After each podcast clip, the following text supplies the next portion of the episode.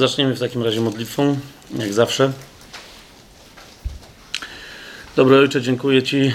Dziękujemy Ci razem, wszyscy tutaj zgromadzeni, za to kolejne spotkanie, kolejną szansę spotkania z Tobą przez Jezusa Chrystusa w Duchu Świętym poprzez Słowo Ewangelii. Dzisiaj szczególnie, Ojcze, dziękujemy Ci nie tylko za Twoje słowa, wypowiadane i zapisane w Biblii, nie tylko za słowa, które Pan Jezus, kiedy przyszedł, wypowiadał i później, które wypowiadał, ale dziękujemy Ci za, za Niego samego, Twojego Syna, naszego Pana, Jezusa. Za to, kim był, za to, w jaki sposób działał, za to, w jaki sposób się zachowywał, jak okazywał emocje, jakie emocje w innych wzbudzał. Dziękujemy Ci za to, ponieważ wiemy, Panie, że, że idąc za Nim, Ty chcesz, żebyśmy byli w Duchu Świętym coraz bardziej podobni do Niego. Żeby coraz bardziej Go miłując, coraz bardziej się do Niego upodabniać w naszych kontaktach z innymi braćmi i siostrami, aby były pełne miłości i ze światem, aby to były kontakty pełne żarliwości o ich zbawienie.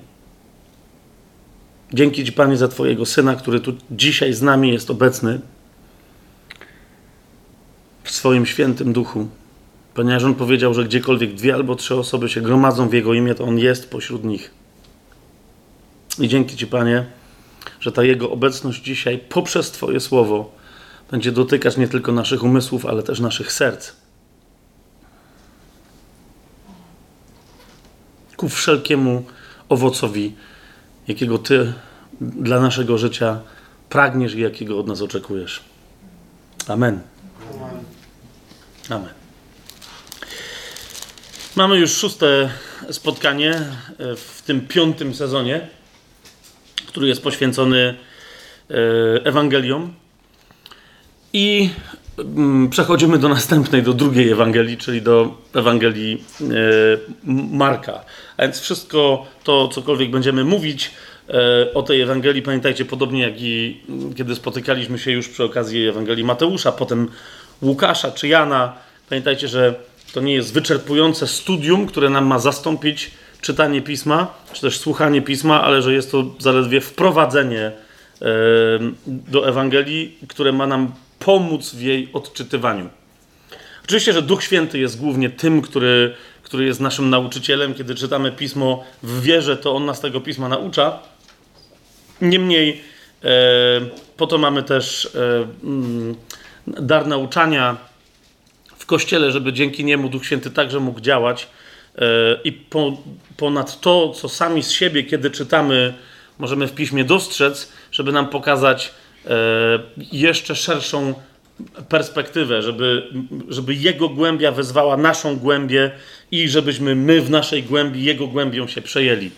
Żebyśmy nie tylko e, więcej mogli wiedzieć, ale, ale głębiej e, Ducha Świętego, Jego obecności w pełnej intymności, Jego mocy w pełni miłości e, doświadczać. Dlatego to jest tylko, tylko wprowadzenie. Niemniej mam nadzieję, że pomocne do tego, żeby Słowo Boże w pełni mogło przed nami swoje bogactwo otworzyć. I teraz, no właśnie, żeby konteksty pewne zrozumieć, bo bardzo często, żeby, żeby naprawdę precyzyjnie ustalić, o czym Słowo Boże mówi, potrzebny nam jest kontekst tego Słowa Bożego i tak zwany dalszy kontekst i bliższy kontekst, najdalszy i najbliższy. Z tych e, często jakieś jedno zdanie, cały pasus w Biblii staje się absolutnie e, klarowny i przejrzysty w momencie, kiedy rozumiemy wszystkie konteksty i wiemy, kto do kogo, o czym mówi, albo co dla kogo ktoś robi, kto przeciwko komu występuje i kto o tym opowiada. To jest jeszcze kolejna bardzo istotna rzecz. Zatem takim e, najdalszym kontekstem do czytania e, Marka, i tym się najpierw zajmiemy, jest to, kto w ogóle jest autorem e, Ewangelii Marka. Oczywiście autorem Ewangelii Marka, tak jak i całego Pisma Świętego, jest Duch Święty, ale e, Duch Święty wybierał autorów, przez których chciał mm, przemawiać i przy pomocy których chciał zapisać to, co miało być zapisane zgodnie z wolą Bożą. Myśmy o tym już mówili przy wprowadzeniu w ogóle do wszystkich Ewangelii, ale jeszcze raz to przypomnę, że i to jest interesujące, że akurat w tej, to co teraz powiem, w tej kwestii, którą teraz poruszę, panuje zadziwiająca zgodność nie tylko w sensie przekazu historycznego w kościele na przestrzeni wieków, ale nawet dzisiaj ci najbardziej tacy e, mm, dziwnie wierzący, a nawet często niewierzący badacze, naukowcy, w sensie nie chodzi mi o denominację, tylko o naukowców, którzy, którzy się zajmują pismem, egzegeci różnego typu, to jest interesujące, że wszyscy w tej kwestii, prawie wszyscy, są zasadniczo zgodni. A mianowicie, że Ewangelia e, według Marka jest Ewangelią Piotra. Ewangelia według Marka jest Ewangelią Piotra. Jeszcze raz, e, jeszcze raz powtórzę. W jakim sensie Ewangelia Marka jest Ewangelią Piotra? Jest zapisana przez Marka, ale jest oryginalnie Ewangelią, która była głoszona przez Piotra. Tak? Piotr mm, po zesłaniu e, Ducha Świętego, jak o tym e, chociażby świadectwa znajdujemy w dziejach apostolskich, głosi wielokrotnie, czy to w formie skróconej, czy rozbudowanej Ewangelię i wygląda na to, że głosi ją bardzo długo, aż do momentu swojej śmierci męczeńskiej, którą Pan Jezus mu e, przepowiedział. Stąd, chociaż nie mamy w Biblii na ten temat zapisu, to, to jest dla nas jasne, że Piotr zginął śmiercią męczeńską, ponieważ to Pan Jezus powiedział, że tak się stanie i koniec. I, i teraz to jego głoszenie wygląda, że ma bardzo taki podobny charakter. On się posługuje konkretnym e, językiem, ma konkretne akcenty w tym swoim e, głoszeniu. Jak się czyta Ewangelię Marka i się ją porówna chociażby z tym, jak Piotr pisze pierwszy i drugi swój list, które mamy, e, które mamy w Biblii, to widać, że chociaż tam język jest nieco bogatszy, ale to dlatego, że tam Piotr nie opowiada żadnej historii, tylko się zajmuje konkretnymi, powiedziałbym, teologicznymi i kościelnymi zagadnieniami, tak? Ale jednak, że to jest ten treściwy, mocny, pełen bardzo mocnej emfazy w określonych momentach, czyli podkreśleń, akcentów, język Piotra. Tak samo, kiedy Łukasz opisuje, jak Piotr głosił w dziejach apostolskich, nawet nie wiem, czy dzisiaj, czy dopiero następnym razem, ale to, to myślę, że sobie jedną rzecz w związku z tym pokażemy, że nawet konstrukcja historii, czy Piotr opowiada bardzo długo, czy bardzo krótko, konstrukcja historii, e, za każdym razem, kiedy Piotr głosi w dziejach apostolskich, jest bardzo podobna albo wręcz identyczna jak konstrukcja całej Ewangelii Marka. Więc widać, że Marek jest wiernym e, kopistą, że tak powiem, który powtarza po Piotrze, a nie który na podstawie tego, co usłyszał od Piotra, wymyśla swoje historie. Teraz, e, żeby tylko wam wskazać dwa takie cytaty, dwa fragmenty, mm, e, jeszcze raz ja już kiedyś tam, chyba podczas pierwszego spotkania cytowałem, ale żeby wam pokazać, jak ta tradycja, o której mówię, ta tradycja pewności, że Ewangelia Marka jest Ewangelią głoszoną przez Piotra, spisaną następnie przez Marka, który oryginalnie e, wygląda na to, że był e, w Rzymie mm, wśród tych ludów, które, które mówiły po łacinie czy po grecku. Wygląda na to, że Marek był jego nie tylko uczniem Piotra, zresztą nie tylko Piotra, o czym za chwilę, ale że był też tłumaczem Piotra e, w Rzymie, który najwyraźniej do końca swojego życia nie nauczył się dobrze greki czy, czy łaciny i głosił prawdopodobnie po aramejsku, głównie e, przemawiając prawdopodobnie do, e, i to był jego główny, że się tak wyrażę brzydko, target, do Żydów, nawet w Rzymie.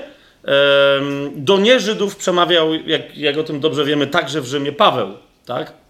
Więc oni w pewnym momencie razem wygląda na to, że w Rzymie, że w Rzymie e, działali. Ale dwa takie fragmenty mm, e, przywołam. Jeden e, to jest prawdopodobnie mm, powtórka po mm, papiaszu albo po Ignacym, czyli jednym z tych, wiecie, pierwszych, bardzo, bardzo, bardzo pierwszych tak zwanych ojców Kościoła, czyli którzy, którzy byli uczniami apostołów, a, albo byli uczniami w drugim pokoleniu tych, którzy byli uczniami apostołów. Eusebiusz świadczy o tym, o tym świadectwie w swojej historii kościelnej 3.39.15.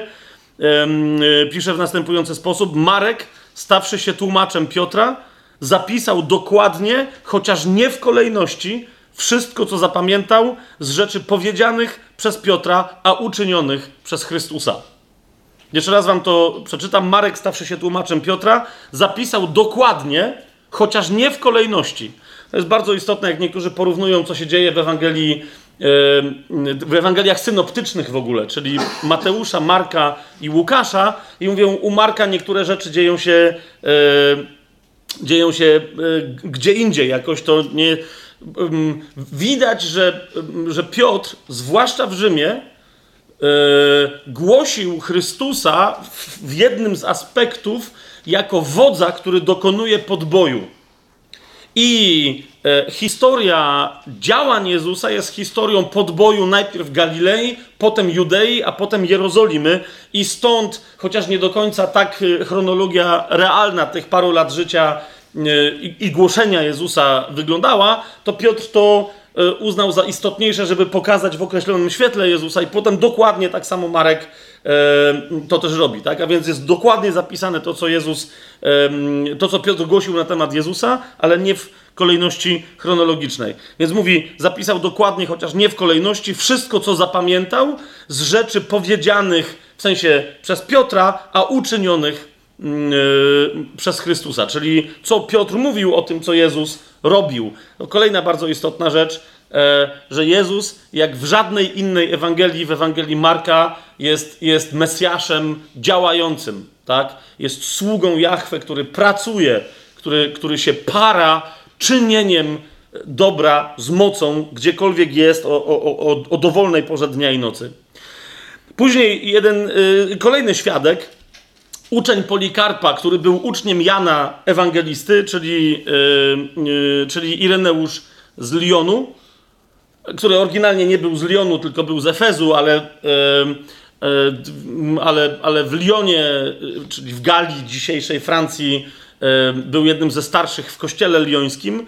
Zauważcie, jak, e, jak to był prężny kościół, tak nawiasem mówiąc, tak? E, że macie ludzi z, z, z Turcji, czy w ogóle z Bliskiego Wschodu, którzy działają na terenie bardzo szybko, tak?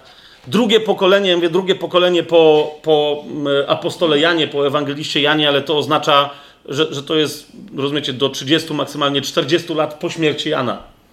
E, I Ireneusz jest kimś, kto w początku II wieku wyrusza i zostaje starszym w Lyonie, ale, ale tam, rozumiecie, tam jest, tam jest mocny kościół, tak? Tam jest mocny kościół, potężny. Tak samo takie kościoły są e, w całej północnej Afryce e, Południowej, Europie, aż po, aż po Hiszpanię.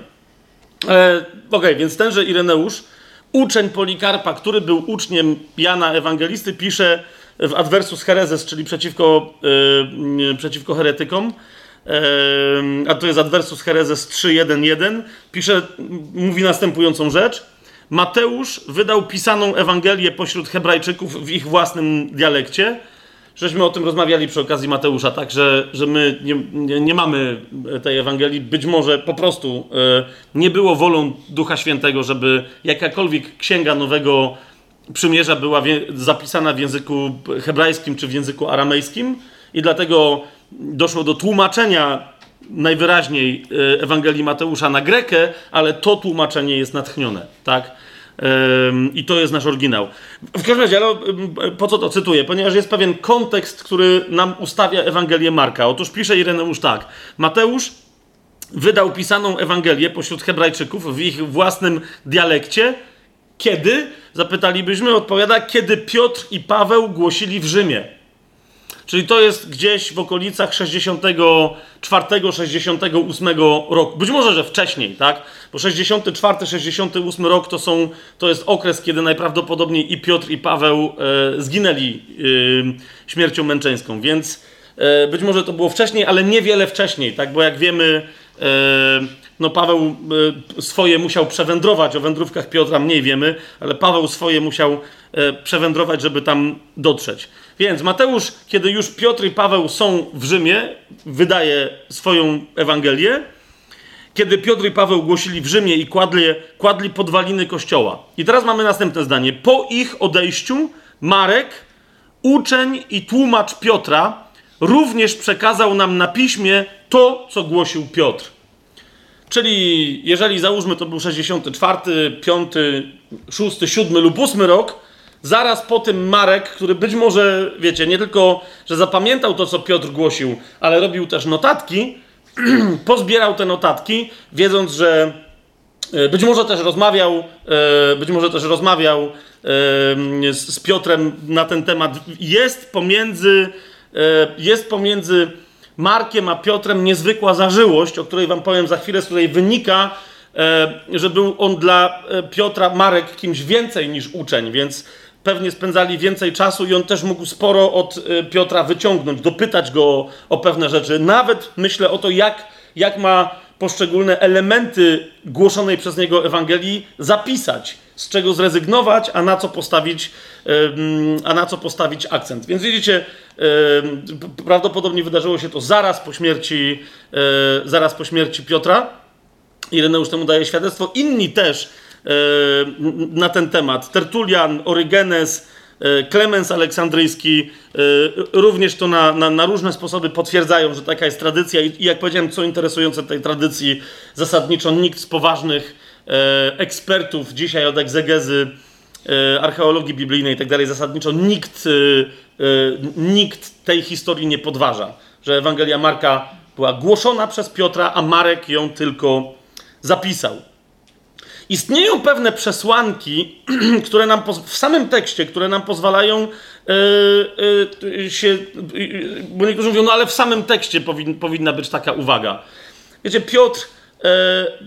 Piotr mm, stał się bardzo skromnym człowiekiem po tym, jak bywało, że, że, że nawet przy Panu Jezusie bywał pyszałkiem i po jego autentycznym nawróceniu Piotr się stał bardzo skromnym człowiekiem. Widać to później w dziejach apostolskich, widać to później chociażby ze świadectwa Pawła, który w jednym miejscu jeszcze, jak będziemy rozważać listy Pawłowe, to tam dojdziemy, ale mówi wyraźnie o tym, że, że jak kiedyś przyłapał Piotra na tym, że z poganami jadł normalnie jak poganin, a potem przyszli wyznawcy chrześcijanie, ale którzy byli judaizującymi chrześcijanami, nagle przeszedł na koszerne jedzenie. Piotr, Paweł mówi, że, go, że Piotra natychmiast upomniał, że to, jest, że to jest hipokryzja.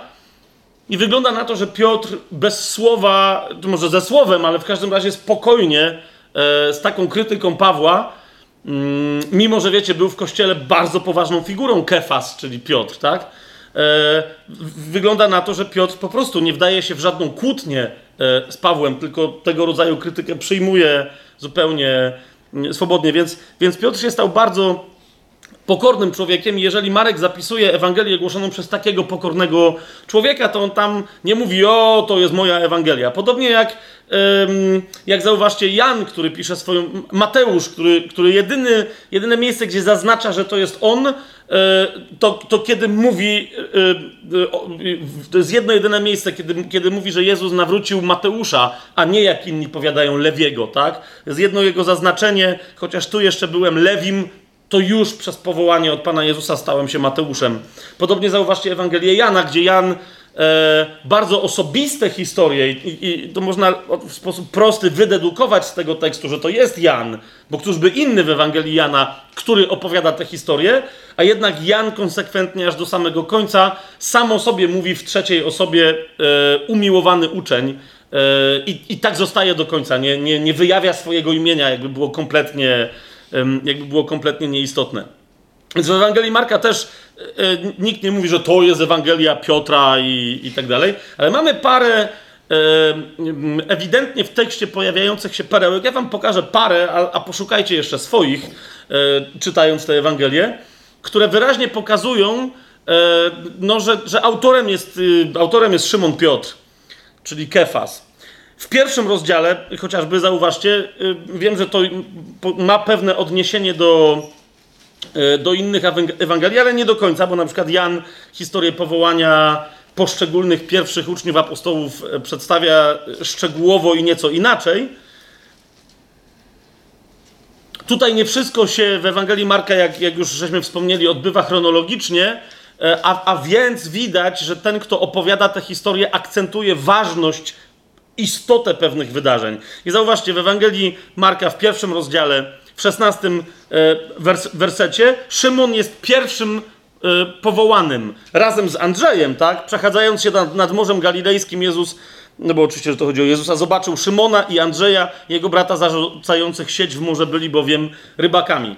Więc pierwszym, który się pojawia, yy, jest Szymon. W 29 yy, wersecie pierwszy dom, do którego Jezus w Ewangelii Marka zawitał. Jeszcze raz, nie, nie chodzi mi o to, że to jest właściwa chronologia, tylko chodzi mi o to, co akcentuje tutaj narrator tej historii w 29 y, wersecie mamy napisane pierwszego rozdziału, zaraz po wyjściu z synagogi przyszli z Jakubem i Janem do domu Szymona i Andrzeja. Tak? I jeszcze dla podkreślenia, że, y, że, że to był dom, powiedziałbym, bardziej Szymona niż Andrzeja, Jezus zaraz zajmuje się 30 wersecie teściową Szymona. Czyli no, skoro Szymon ma tam teściową, to pewnie jest tam też i żona, o której za specjalnie niewiele się następnie z Pisma Świętego e, dowiadujemy. Podobnie jak, e, jak na przykład zobaczycie 14 rozdział Ewangelii Marka, 37 werset. To jest bardzo interesujące. Mateusz, jak opisuje tę scenę, mówi, że Jezus przyszedł, że, że wziął ze sobą trzech tylko uczniów i potem przyszedł do nich, kiedy im powiedział, żeby czuwali. On się modlił, a oni usnęli. Kiedy przyszedł do nich, e, Mateusz nawet opisuje, że zwrócił się do, do Szymona Piotra, ale następnie, jak mówi, co Jezus do niego powiedział, to, to okazuje się, że Jezus tam nie mówi bezpośrednio do niego, ale mówi do nich trzech. Łukasz to jeszcze inaczej opisuje i tak dalej. Natomiast w Ewangelii Marka, zauważcie, w 37 wersecie, potem przyszedł i zastał ich śpiących, Jezus, i powiedział, i powiedział do Piotra, i nagle w tej tylko Ewangelii Jezus mówi, wy, wypowiada imię, stare imię Piotra, ponieważ Piotr się zachowuje według swojego starego człowieka, tak? Powiedział do Piotra, Szymonie, śpisz? Nie mogłeś czuwać jednej godziny? Jak sobie zobaczycie, na przykład w Ewangelii Mateusza, on to mówi w liczbie mnogiej. Śpicie, nie mogliście ze mną czuwać, a, a, a, tu, Szym, a tu Piotr jakby zdejmuje, wiecie, całą odpowiedzialność za tą sytuację z innych i mówi, że Jezus do niego powiedział, Szymonie, i, I, cały czas mówi w pojedynczej osobie: śpisz, nie mogłeś, nie mogłeś czuwać jednej godziny, i dopiero w 38 wersecie pojawia się liczba mnoga: czuwajcie i módlcie się, abyście, e, abyście nie ulegli e, pokusie. Podobnie w tym samym 40, 14, 14 rozdziale, e, zobaczcie, to, to jest jedna, jedyna Ewangelia, która e, podkreśla interesującą rzecz, mianowicie, że E, że Jezus zapowiedział Szymonowi, że on się go wyprze w trakcie dwukrotnego piania koguta, a nie jednego. Tak? We wszystkich innych zapisach tej sytuacji e, wszyscy koncentrują się tylko na tym, że Jezus powiedział Szymonie, e, trzy razy się mnie zaprzesz, zanim kogut zapieje tak? I koncentrują się na tym ostatnim zapianiu koguta. Że to jest Ewangelia głoszona przez Szymona Piotra, świadczy o tym fakt, że, on, że dla niego, rozumiecie, jak to dla niego było istotne. I on jeden, jedyny podkreśla fakt, że Jezus mu powiedział o dwóch pianiach koguta. Zobaczcie, 14 rozdział, 30 werset. I powiedział mu Jezus, zaraz po tym, jak Piotr mu powiedział w 29 wersecie, jeżeli nawet wszyscy się zgorszą, jednak nie ja, na to powiedział mu Jezus, 30 werset, Zaprawdę powiadam ci, że dzisiaj, tej nocy, zanim kogut dwa razy zapieje, trzy razy się mnie wyprzesz. Ok? To jest, to jest jedno. I teraz zobaczcie 72 werset. Zaraz po tym, jak ostatni raz. Yy, jak ostatni raz yy, Szymon Piotr się yy, zaparł, 72 werset nam mówi, wtedy kogut zapiał po raz drugi. Widzicie, dla, dla wszystkich było istotne, dla wszystkich innych, yy, się tak wyrażę, narratorów i recenzentów postawy Szymona Piotra było istotne, że no, po prostu zanim kogut zapiał, to, yy, to Szymon Piotr się, yy, się trzy razy zaparł. A on jeden pamięta, że to było dwukrotne pianie, jakby wiecie, w trakcie tego zapierania się dostał jeszcze jedno ostrzeżenie, czyli rozumiecie, zaparł się Pana Jezusa, kogut pieje i on pamięta, pamięta o tym, powinien przynajmniej pamiętać. Teraz zauważcie, jak musiał być przyćmiony Piotr, mm, inna rzecz, o przyćmieniu serca Ewangelia Marka też sporo mówi, że dopiero za drugim razem, kiedy kogut zapiał, to sobie przypomniał. Wtedy kogut zapiał po raz drugi i przypomniał sobie Piotr słowa, które powiedział mu Jezus, zanim kogut dwa razy zapieje, trzy razy się mnie wyprzesz. I wyszedłszy, zapłakał. Eee, więc to jest kolejny, y, wiecie, bardzo osobisty e, fragment, szczegół, który tylko, jeżeli od kogoś, to tylko od Szymona Piotra e, mógł, e, mógł pochodzić. I jeszcze e, zauważcie, podobnie w szesnastym rozdziale, w siódmym wersecie, kiedy anioł mówi do, do kobiet, które weszły do grobowca, że go tu nie ma, to jest tylko miejsce, gdzie go złożono, ale jest puste, mówi im, ale idźcie i powiedzcie jego uczniom i Piotrowi. Bardzo interesujący moment, bardzo interesujące świadectwo, tak? kiedy e, Duch Święty sam świadczy, że, że Piotr z wielu powodów, z wielu względów, teraz nie będziemy postaci Piotra rozważać. Mam nadzieję, że jeszcze kiedyś przyjdzie na to pora, bo to, bo to jest genialna postać. Genialna demonstracja tego, jak najbardziej e, nędznie myślący o sobie człowiek z wybrania Bożego mo, może się stać kimś niezwykle. Potężnym, gdy chodzi o głoszenie słowa, niezwykle mocnym, gdy chodzi o znaki i cuda przez niego, przez niego się dokonujące, niezwykle istotnym dla Kościoła, bo w pewnym momencie jest między innymi o nim powiedziane, że Kefas był filarem Kościoła, tak? Wówczas działającego i lokalnego, i w ogóle Kościoła, że Kefas był filarem. E, takie świadectwo Słowo Boże daje temu człowiekowi, który na początku jest rybakiem i który o sobie ma tylko takie, takie pojęcie, że, że jest rybakiem, ale też nędznym robakiem. I jak widzi, co Jezus y, y, robi, jak głosi z jego łodzi, to mówi: Panie, odejdź ode mnie, bo jestem człowiekiem grzesznym. A tutaj, y, i teraz wiecie, to nie chodzi o to, jak on sam z siebie pewne rzeczy osiągnął, ale jak pozwolił łasce Bożej w swoim sercu działać genialnie świadczy o tym właśnie ten, ten fragment. Idźcie i powiedzcie jego uczniom i Piotrowi. Udaje się przed wami do Galilei, tam go ujrzycie, jak wam powiedział. Tak jakby, wiecie, sam Piotr jeden, jedyny, mimo że jest jednym z dwunastu, jakby, jak, jakby był w stanie teraz lepiej pamiętać oraz poprowadzić całą resztę, na przykład do tej Galilei, żeby spotkać się tam z Panem i tak dalej, i tak dalej. I teraz E, nie będę, wiecie, nie będę więcej e, tu elementów pokazywał, ale, ale możecie jeszcze, jeszcze parę. Niektórzy twierdzą, że wręcz sporo bardzo subtelnych niuansów i smaczków znaleźć, które, które zaznaczają, że e, perspektywę patrzenia i głoszenia Jezusa, która jest perspektywą Szymona Piotra.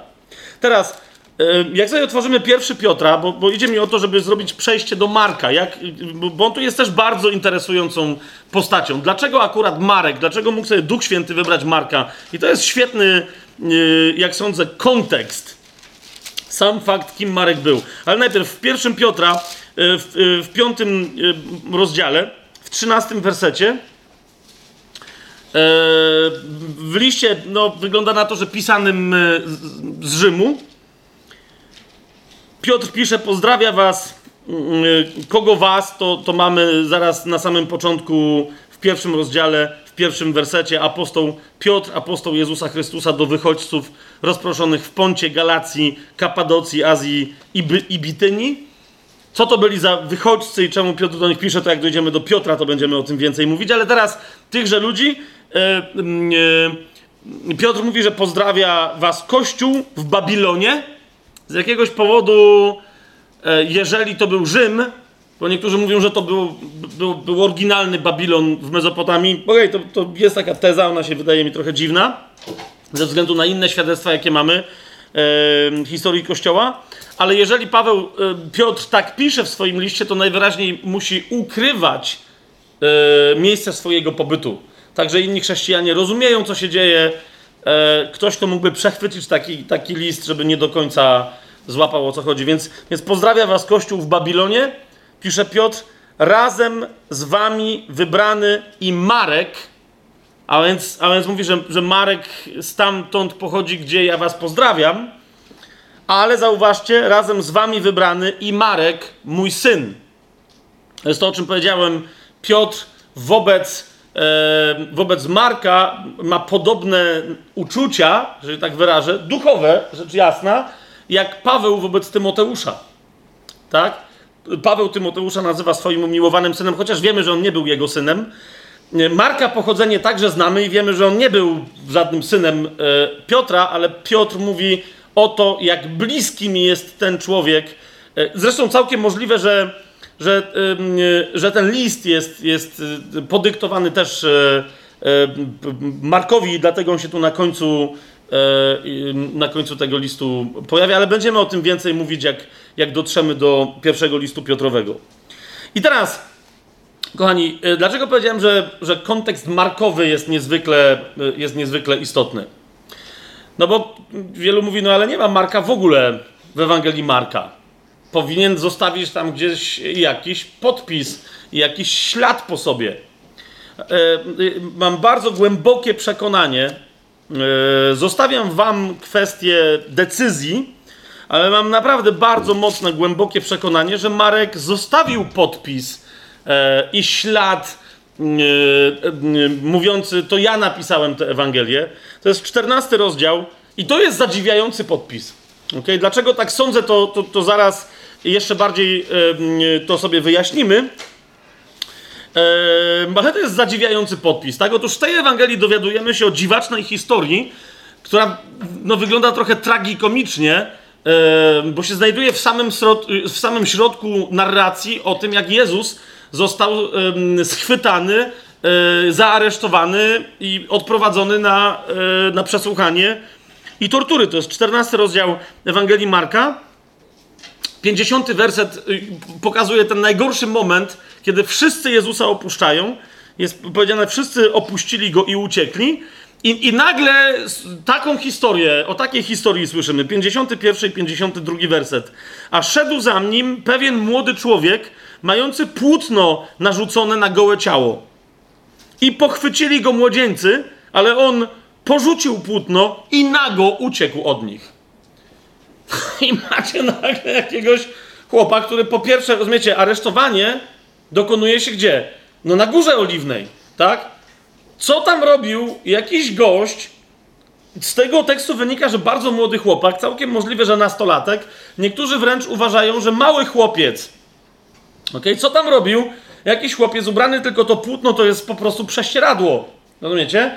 Eee, który jest na tyle śmiały, żeby jak wszyscy Jezusa opuścili, śledzić, co się będzie dalej działo, ale jak tylko ktoś go przyuważył i go próbował, że się brzydko wyrażę, wyhaczyć, żeby ich nie śledził, no to tak spanikował, że, że po prostu ci go capnęli, myśląc, że jest w jakimś tam stroju, a ten po prostu zostawił im ten strój jak jaszczurka ogon e, w rękach i, i, i goły uciekł. Jak, wie, wiecie, w kompletnym z punktu widzenia czytelnika pośmiewisku, tak? No tam ci przynajmniej uciekli jak, jak chłopy, tak? A, a ten goły. Czemu uważam, że, e, że, że, że to Marek tutaj się podpisał? Po pierwsze, Nikt inny, wiecie, nie, nie, nie, nie ma takiej historii, nie komentuje czegoś takiego. Nie, nikomu się nie wydało to, jakby wszyscy inni chcieli ukryć tego golasa. Jeszcze raz, jeżeli Piotr był pokorny, to Marek, jeżeli Piotr nazywa Marka synem, to, to znaczy, że, że Marek nie tylko jego nauczanie, ale jego postawę przejął. Więc myślę, że on w tej pokorze tu, dokładnie tutaj się podpisał. Że po prostu to on był tym gościem. Tak? Ty, tyle wtedy mógł zrobić. U, uciekać nago. Czemu tak sądzę? Bo widzicie, pierwszy raz, kiedy rzeczywiście Marek jako Marek się pojawia, to są dopiero dzieje apostolskie. Dwunasty rozdział, to już jest, wie, wiecie, to już jest jakiś czas później po tych wydarzeniach. To jest dwunasty rozdział, w którym dowiadujemy się, Dzieje apostolskie, dwunasty rozdział, w którym dowiadujemy się, e, to jest ta historia, jak pamiętacie, że mm, Piotr został zaaresztowany w trakcie, mm, w trakcie prześladowania, które, które rozpoczął Herod w Jeruzalem. To jest, to jest kontekst 12 rozdziału dziejów apostolskich. I teraz, w momencie, kiedy Piotr ucieka z więzienia, nie do końca wiedząc, czy mu się to śni, czy to jest naprawdę, czy to jest wizja, czy to się rzeczywiście dzieje. Nie będziemy teraz o tym mówić. Pierwsze miejsce, do którego się Piotr kieruje, zauważcie, to jest 12 rozdział, 12 werset. To jest zaraz po 11 wersecie, kiedy Piotr doszedł do siebie i powiedział: Teraz wiem na pewno, że Pan posłał swojego anioła, więc się zorientował, że ej, zaraz, to się naprawdę dzieje, tak? Że mu się więzienie pootwierało. Więc mamy 12 werset, kiedy to sobie uświadomił, przyszedł do domu Marii, matki Jana, którego nazywano Markiem. U, bardzo interesujący trop tutaj otrzymujemy, tak? Dlaczego? Ponieważ uważajcie, dlaczego pierwsze kroki Piotr tam skierował? Ponieważ ym, w dom Marii, matki Jana, którego zwano Markiem, Johan, Johanan prawdopodobnie się ten chłopak nazywał, ale ponieważ mamy innego Johanana, ewangelisty i apostoła, umiłowanego ucznia. W związku z tym od razu pojawia się, że to nie był ten Jan, tylko ten Jan, którego po łacinie lub po grecku, po łacinie zwano Markusem, a po grecku Markosem, dla odróżnienia od tamtego Jana, oryginalnego, że się tak wyrażę. Więc ten Jan, zwany Markiem, mieszkał u swojej mamy, Marii, uwaga, gdzie? Gdzie wielu zebrało się na modlitwie. Cóż to jest za miejsce, gdzie wielu, gdzie wielu zebrało się na modlitwie? Jeżeli weźmiemy kontekst tylko i wyłącznie tej księgi, to otwórzcie sobie pierwszy rozdział dziejów apostolskich. Hmm? Trzynasty werset. Jestem przekonany, że tutaj idzie o wieczernik. Ok? Zauważcie, kiedy wrócili do Jerozolimy z góry zwanej Oliwną, a więc to jest dom w Jerozolimie, która leży blisko Jerozolimy w odległości drogi szabatowej, 13, przyszli, weszli do sali na górze jakiegoś domu, tu on jest nieopisany, bo to nie ma żadnego znaczenia, tak? Gdzie przebywali Piotr, Jakub i tak dalej, i tak dalej, i tak dalej. Zobaczcie 14 werset. Ci wszyscy trwali jednomyślnie w modlitwie. Widzicie to? To jest miejsce, gdzie odbyła się ostatnia wieczerza. To jest miejsce, gdzie, kiedy oni przyszli i trwali jednomyślnie na modlitwie, przyszedł do nich Duch Święty i oni z tego domu wychodzą i zaczynają głosić. Gdzie w ramach prześladowania miał się na powrót zebrać Kościół ta garstka, bo, reszta mogła się rozproszyć, ale ta garstka, która nigdzie się nie rozproszyła, najbardziej hardkorowych, wiecie, uczniów apostołów Jezusa. Gdzie? W tym samym miejscu tak? A z 12 rozdziału 12 wersetu dowiadujemy się, że jest to dom Marii, matki Jana, którego nazywano, yy, którego nazywano Markiem. Gdzie wielu zebrało się na modlitwie. Zresztą, ponieważ, wiecie, ponieważ Piotr, on świetnie o tym wie, że inni już wiedzą, co to za miejsce i że mogą go tam yy, szukać, Zauważcie, w 17 wersecie Piotr tylko przekazuje instrukcje tym wszystkim tam zebranym, ale gdyby przyszła e, jakaś ekipa e, reprezentująca Heroda, żeby go znaleźć, to zauważcie w 17 wersecie, po tym jak przekazuje instrukcje, ostatnie zdanie mówi nam, potem wyszedł i udał się w inne miejsce. Więc jeszcze raz widzimy wyraźnie, e, że że, że, jest to też miejsce rozpoznane już po zesłaniu, e, po zesłaniu e, w drugim rozdziale dziejów apostolskich, opisane po zesłaniu Ducha Świętego. To jest miejsce znane. Piotr wie, że mogą go tam szukać i nie chce, żeby sprowadzić kłopoty na całą resztę, chociaż i tak oni te kłopoty, mm, oni te kłopoty już mają. Teraz, jaka jest idea?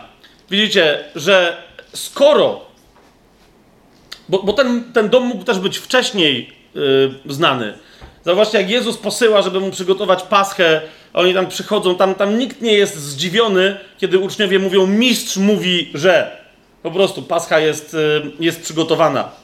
I teraz jest taka koncepcja, i znowu co jest zadziwiające, wielu, y, wielu egzegetów i tak dalej się y, w taki czy inny sposób ludzi zajmujących się Biblią, wielu się z tym, bardzo wielu się z tym, jak powiadam, zadziwiające to jest, zgadza, że Jan Marek, będąc prawdopodobnie nastolatkiem, może nawet dzieckiem, w momencie, kiedy skończyła się ostatnia wieczerza, widział wychodzących Jezusa i jego uczniów i wiedział, gdzie oni idą. Tak? Ponieważ to było miejsce, o którym skądinąd wiemy, że było znane nie tylko apostołom, ale też i innym bliskim uczniom Jezusa.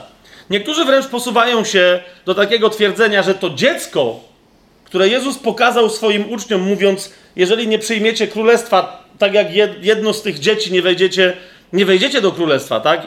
To jeżeli nie staniecie się jak, jak, jak takie dziecko, niektórzy wręcz twierdzą, że to mógł być Jan, zwany później Markiem, tak?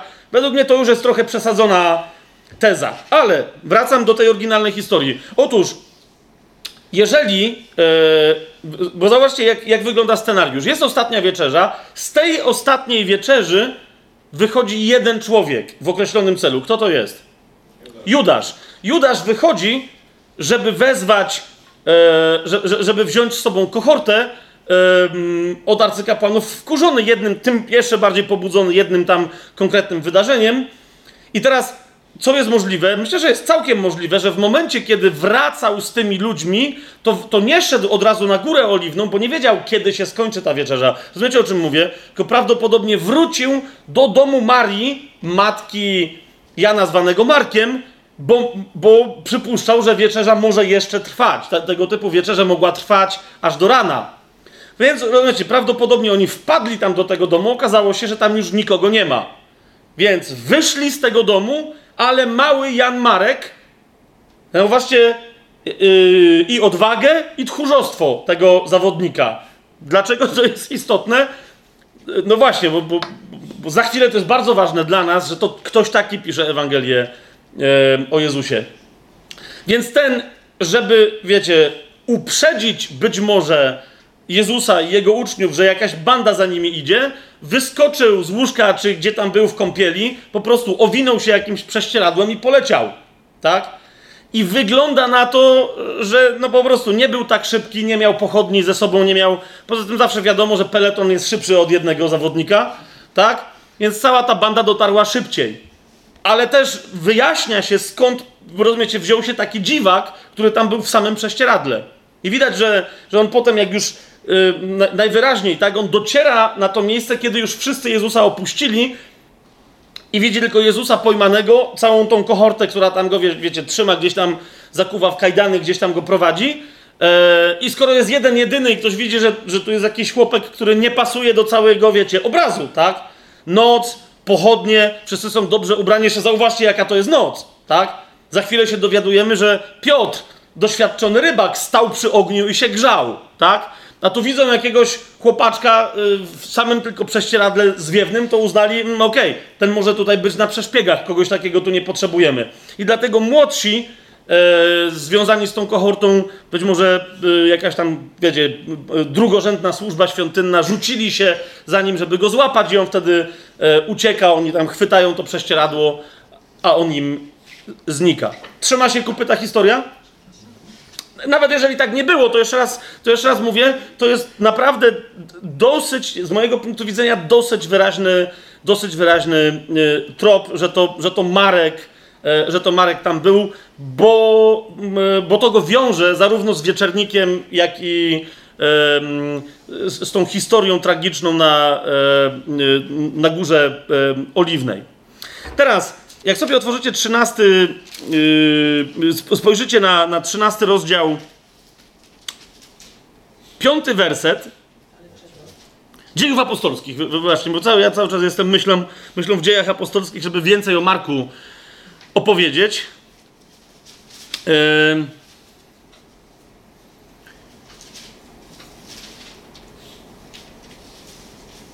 To jest zaraz po tym, jak Duch Święty w Antiochii powiedział, e, żeby, im, żeby mu odłączyć Marka i Barnabę. Pamiętacie?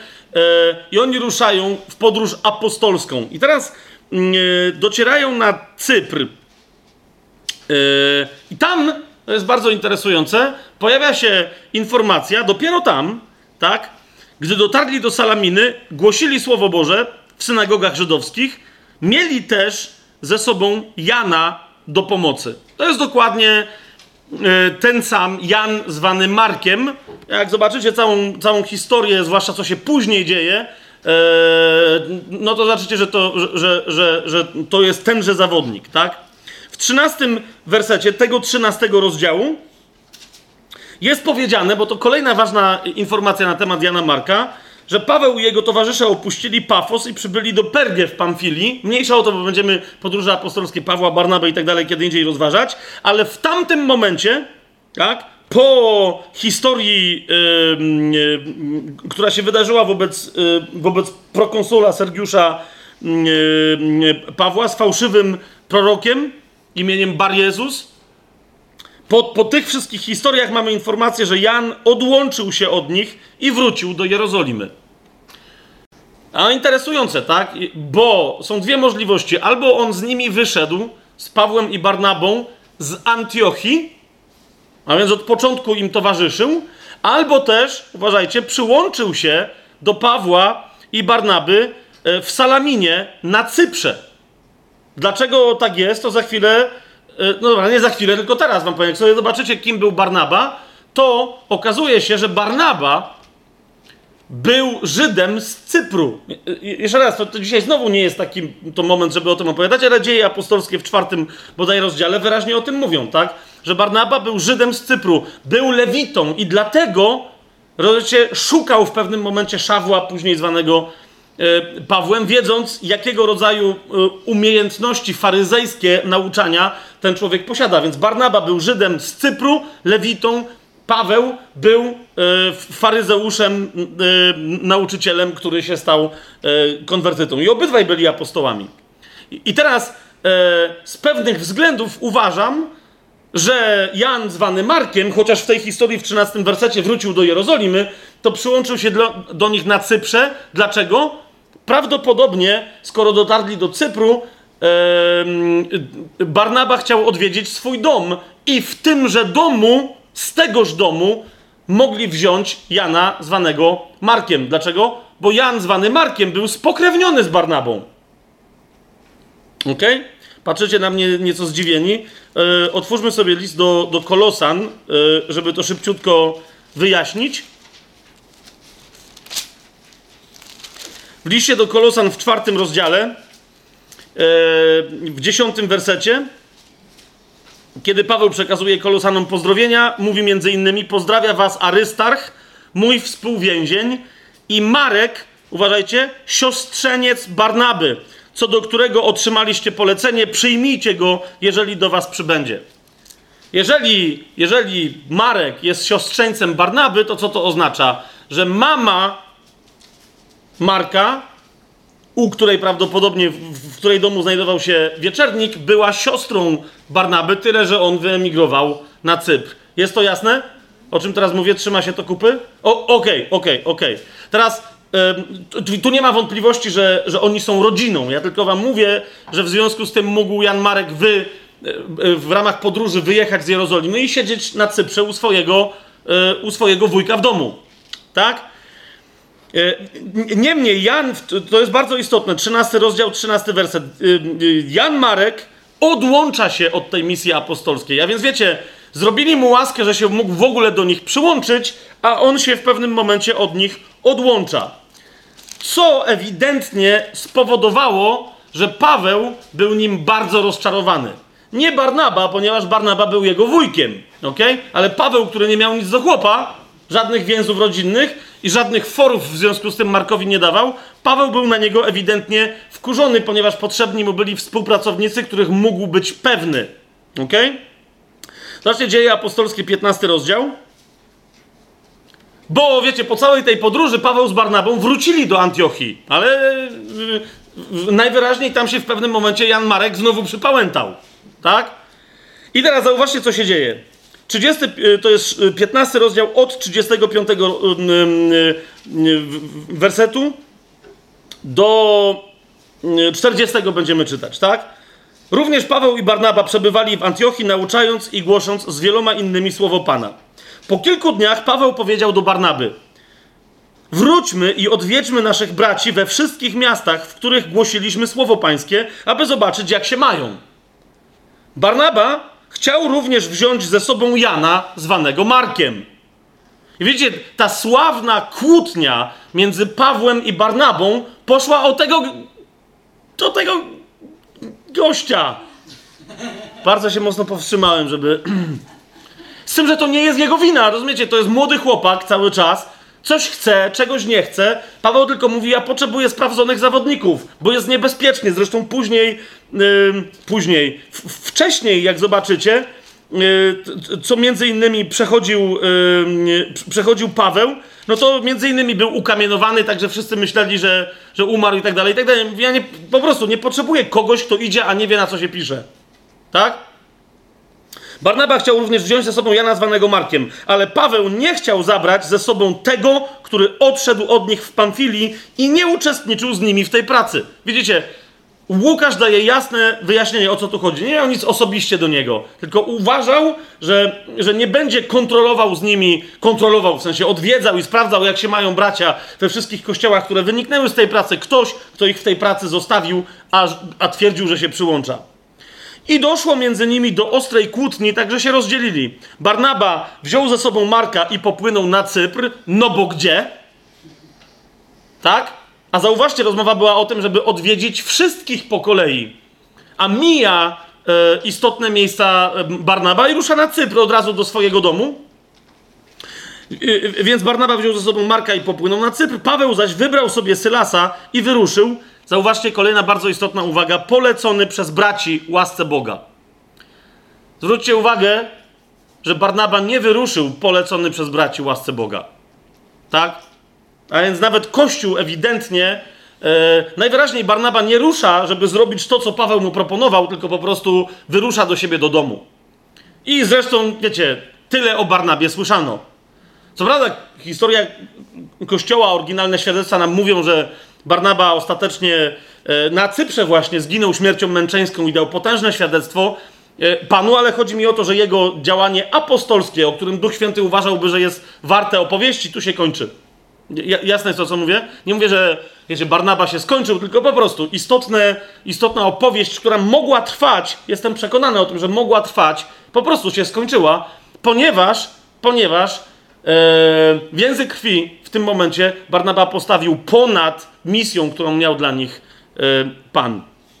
Paweł zaś wybrał sobie Sylasa i wyruszył polecony przez braci łasce Boga. Bardzo to jest istotne, żeby zawsze, kiedy jesteśmy w misji jakiejkolwiek, kiedy mnożą się kościoły, nie wiem, chociażby małe domowe kościoły, żeby te kolejne, które powstają, żeby, żeby miały, żeby to robiły w jedności, żeby miały e, błogosławieństwo od tych, od których wychodzą.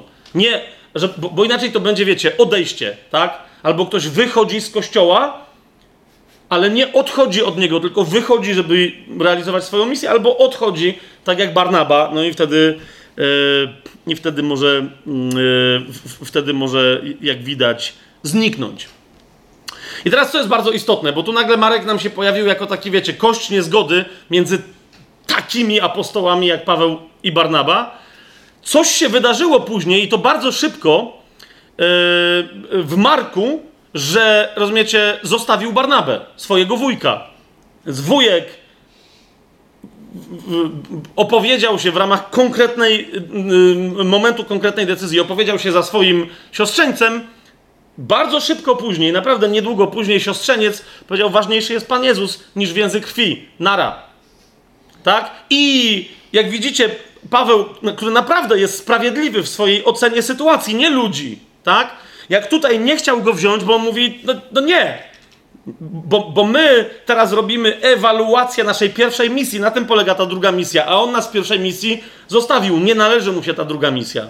Ale później widzimy, e, że Paweł e, wyraźnie zaznacza, zanim jeszcze Marek przybył z nim, bo prawdopodobnie z Pawłem Marek przybył do Rzymu i później przyłączył się do Piotra, to Paweł wystawia bardzo dobre świadectwo Janowi zwanemu Markiem. Zobaczcie na przykład drugi list do Tymoteusza. Dlatego, wiecie, to jest takie ważne, bo Tymoteusz, no wiecie, już to powiedziałem, kim był dla, dla Pawła, tak? I y, Paweł w tymże liście do, do tak ważnego dla niego ucznia, współpracownika, że mu był bliski jak syn, w, w drugim liście do niego, który jest pisany z Rzymu, w czwartym rozdziale, zaraz po tym jak się skarży, że, że Demas go opuścił, umiłowawszy e, ten świat, w jedenastym wersecie mówi: Tylko Łukasz jest ze mną. I zauważcie, o kogo prosi Paweł. weź Marka i przyprowadź ze sobą, bo jest mi bardzo przydatny w służbie. Lub też bardzo przydatny do służby, tak? Tylko Łukasz jest ze mną, więc widzicie, macie innego ewangelistę. Później wiemy, że Łukasz, de facto jego Ewangelia, to jest zapis tego, co głosił Paweł. No ale to jest, wiecie, na, na za chwilę, na, na kolejne, nie wiem, czy następne, może na za dwa spotkania. Marek natomiast przyłączył się do Piotra, Duch Święty go przyłączył do Piotra. Yy, także on spisał Ewangelię Piotra, ale zauważcie, prawdopodobnie przybył, e, przybył do Rzymu na wezwanie na wezwanie Pawła. I jeszcze bardzo interesująca rzecz, jeden z ostatnich, jeżeli naprawdę nie ostatni, a w każdym razie równo pisany z drugim do Tymoteusza i, i do Tytusa listem, list do Filemona, często jakoś tak, i wiecie, pomijany, nie wiem czemu, bo jest bardzo, bardzo, bardzo głęboki, bardzo mocny, wiele w nim jest natchnionej nauki, ale w liście do Filemona w 20 Mm, trzecim i 24 wersecie taki, taki, taki znajdujemy zapis. To jest oczywiście pierwszy rozdział, bo tam jest jeden rozdział, tak? Pozdrawiają cię Epafras, to jest, to, to, czyli Filemona. Pozdrawiają cię Epafras, mój współwięzień w Chrystusie Jezusie, Marek, Arystarch, Demas, Łukasz, moi współpracownicy. No tu widać, że Demas jeszcze był, tak? Yy, jeszcze był yy, z Pawłem, więc pewnie to było napisane ciut wcześniej. E, niż drugi do Tymoteusza. E, ale zauważcie, że, że Marek znajduje się na równi z takimi gigantami jak Epafras, e, Arystarch czy, czy Łukasz. Tak? I, on, i, I mówi o nim podobnie jak pozostałych moi współpracownicy, bez żadnych pomiędzy nimi, bez żadnych pomiędzy nimi rozróżnień.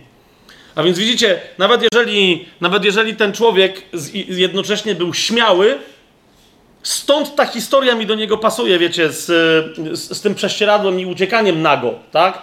A potem z tej śmiałości byle co go potrafiło przestraszyć i się wycofywał, tak jak już z całą pewnością wiemy, że się wycofał z pierwszej misji apostolskiej Pawła i Barnaby, przyłączył się do nich, a potem się wycofał i to się nie podobało Pawłowi, miał na tyle wierności w sobie i, i, zgody na działanie łaski Bożej, że ostatecznie okazał się dla Pawła bardzo cennym współpracownikiem, a dla Piotra wręcz duchowym synem.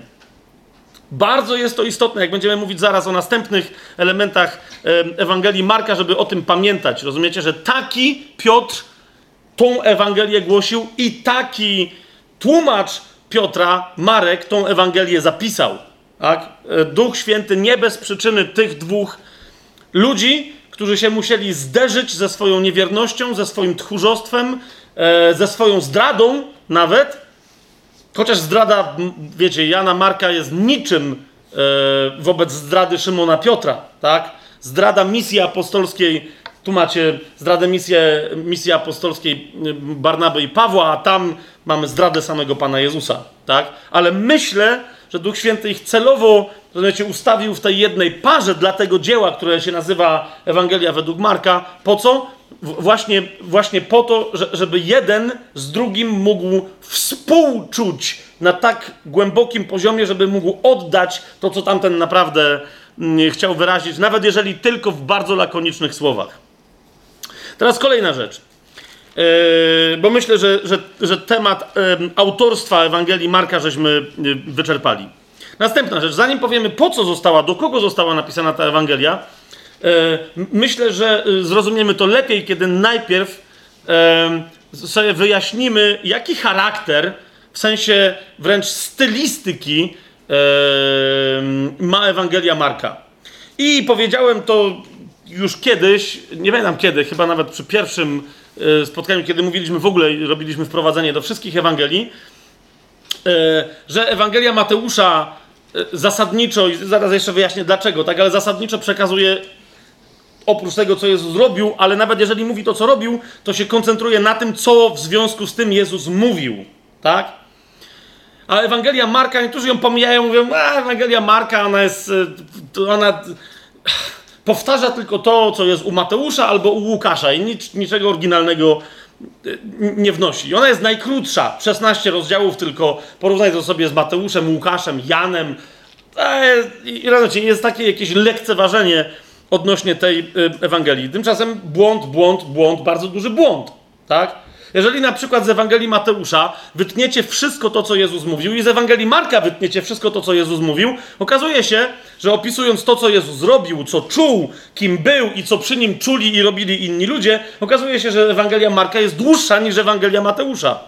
Jest dłuższa. ok? O czym nam to mówi? No, jeszcze raz powtórzę, że Ewangelia Marka koncentruje się na akcji koncentruje się na akcji, co Jezus robił, jak się czuł przy tym, kiedy coś robił i jakie reakcje wobec tego u innych ludzi, rozmaitych grup ludzi i poszczególnych indywiduów, jakie reakcje wywoływał. Jest akcja, są reakcje. Jest akcja Jezusa, są reakcje. Jeżeli gdzieś Jezus jest klasycznym, i teraz uważajcie, w sensie hollywoodzkim, protagonistą, czyli głównym bohaterem, który jest, wiecie, pozy klasycznym, pozytywnym bohaterem, jeżeli gdzieś mamy klasycznego protagonistę, to właśnie w Ewangelii Marka. Jezus jest protagonistą, że hej, on rozpoczyna akcję, tak? I, I cała reszta to są tylko reakcje na jego akcję. Nawet kiedy jest pojmany, nawet kiedy coś mu próbują robić, to, to my od początku wiemy, że to jest przewidziane, że to Jezus jest tu w akcji, a to jest tylko ich reakcja. I, i tak dalej coś z tego wyniknie. Niemniej. E, o akcji sobie jeszcze więcej powiemy, ale jakbym e, e, się chciał, a chcę posłużyć językiem filmu, to musiałbym powiedzieć, że Ewangelia Marka to nie jest kino akcji per se. Ale nazwałbym raczej Ewangelię Marka thrillerem akcji. Ok? I to naprawdę z akcentem na thriller raczej niż na akcję. Gatunek, thriller, podgatunek, akcja. Ok? Jeszcze lepiej.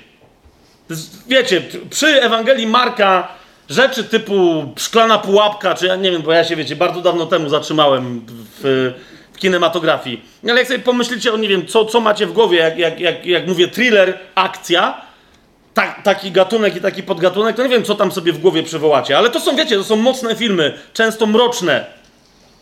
Tak?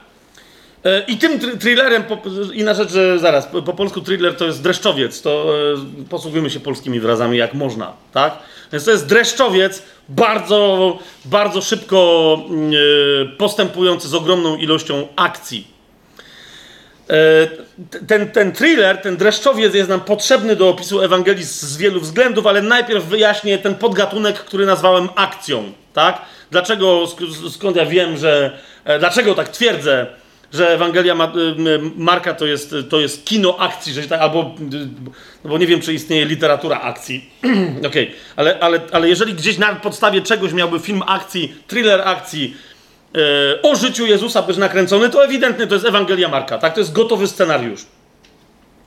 Skąd ta akcja? Wyobraźcie, jest taki, jest, jak będziecie czytać, wiele, wiele osób na to nie zwraca uwagi.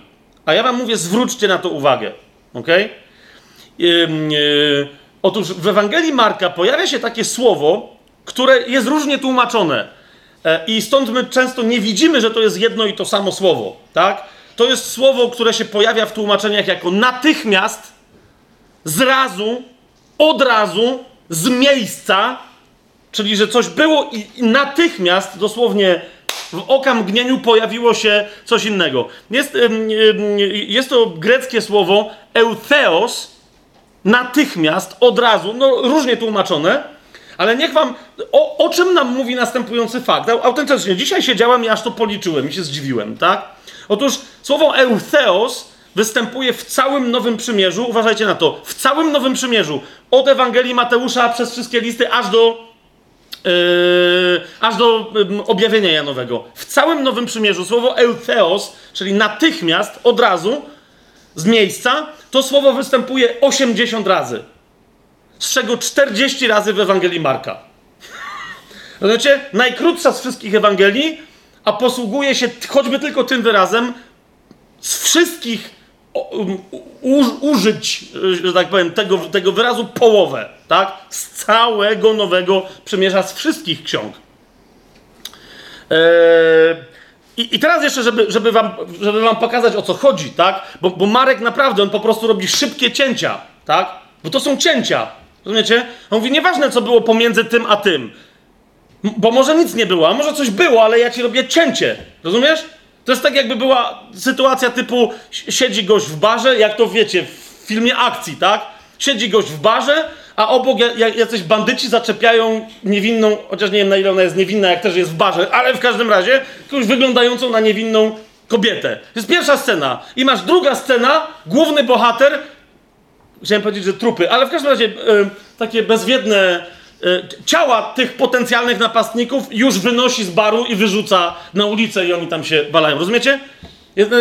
Po drodze nawet nie ma walki, to jest oczywiste. Jak gdzieś ma się odbyć walka, to Marek ją pokazuje.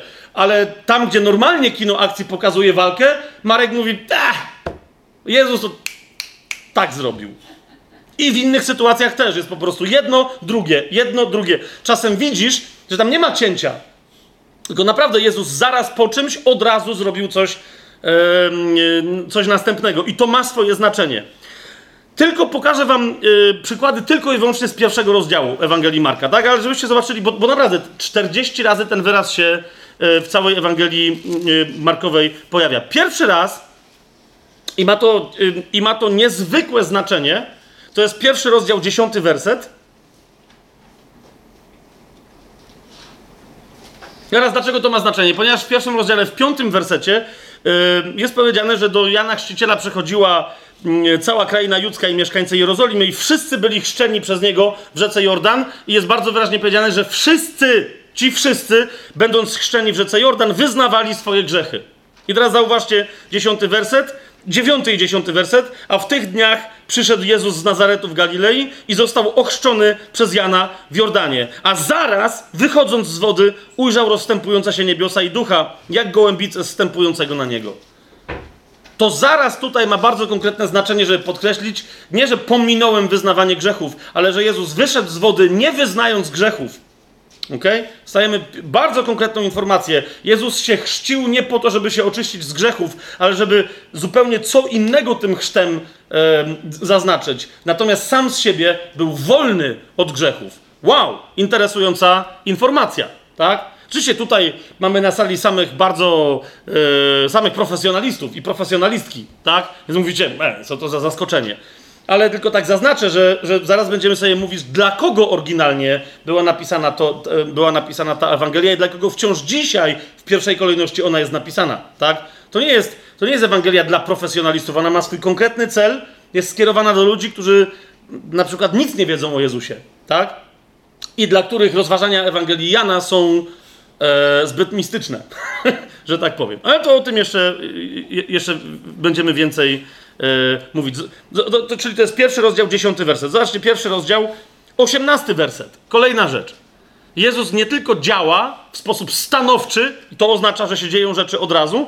W osiemnastym wersecie, kiedy Jezus powiedział, pójdźcie za mną, do e, Szymona i Andrzeja jest powiedziane, że oni natychmiast, eutheos, natychmiast zostawili swoje sieci i poszli za nim. Potem Jezus w dziewiętnastym wersecie widzi yy, Jakuba, syna Zebedeusza i Jana. I co? Jego reakcja znowu jest jaka? Natychmiastowa. Ledwo ich zobaczył, od razu co robi? Zaraz ich powołał, a oni zostawili swojego ojca Zebedeusza, pewnie również zaraz, chociaż już to słowo się tu nie pojawia, w łodzi z najemnikami i poszli za nim. 21 werset. Potem weszli do Kafarnaum, tak? A więc Jezus z nad morza mówi: OK, idźmy do miasta. To było miasteczko położone nad morzem, nad jeziorem, no ale ono, się tu nazywa morzem. A więc weszli do Kafarnaum i znowu bez żadnego zastanowienia Jezus co? Zaraz, a był to szabat, wszedł do synagogi i nauczał. To jest natychmiastowa yy, Jezusowa decyzja. Potem mamy 29 i 30 werset. To jest znowu, wyszli z synagogi i co? Jezus tam się plątał, coś gadał z ludźmi? Nie, wiedział, że musi pójść do następnego miejsca. Więc co robi? Według tej relacji, 29 werset, zaraz po wyjściu z synagogi przyszli z Jakubem i Janem do domu Szymona i Andrzeja. Jezus nie traci czasu, tak?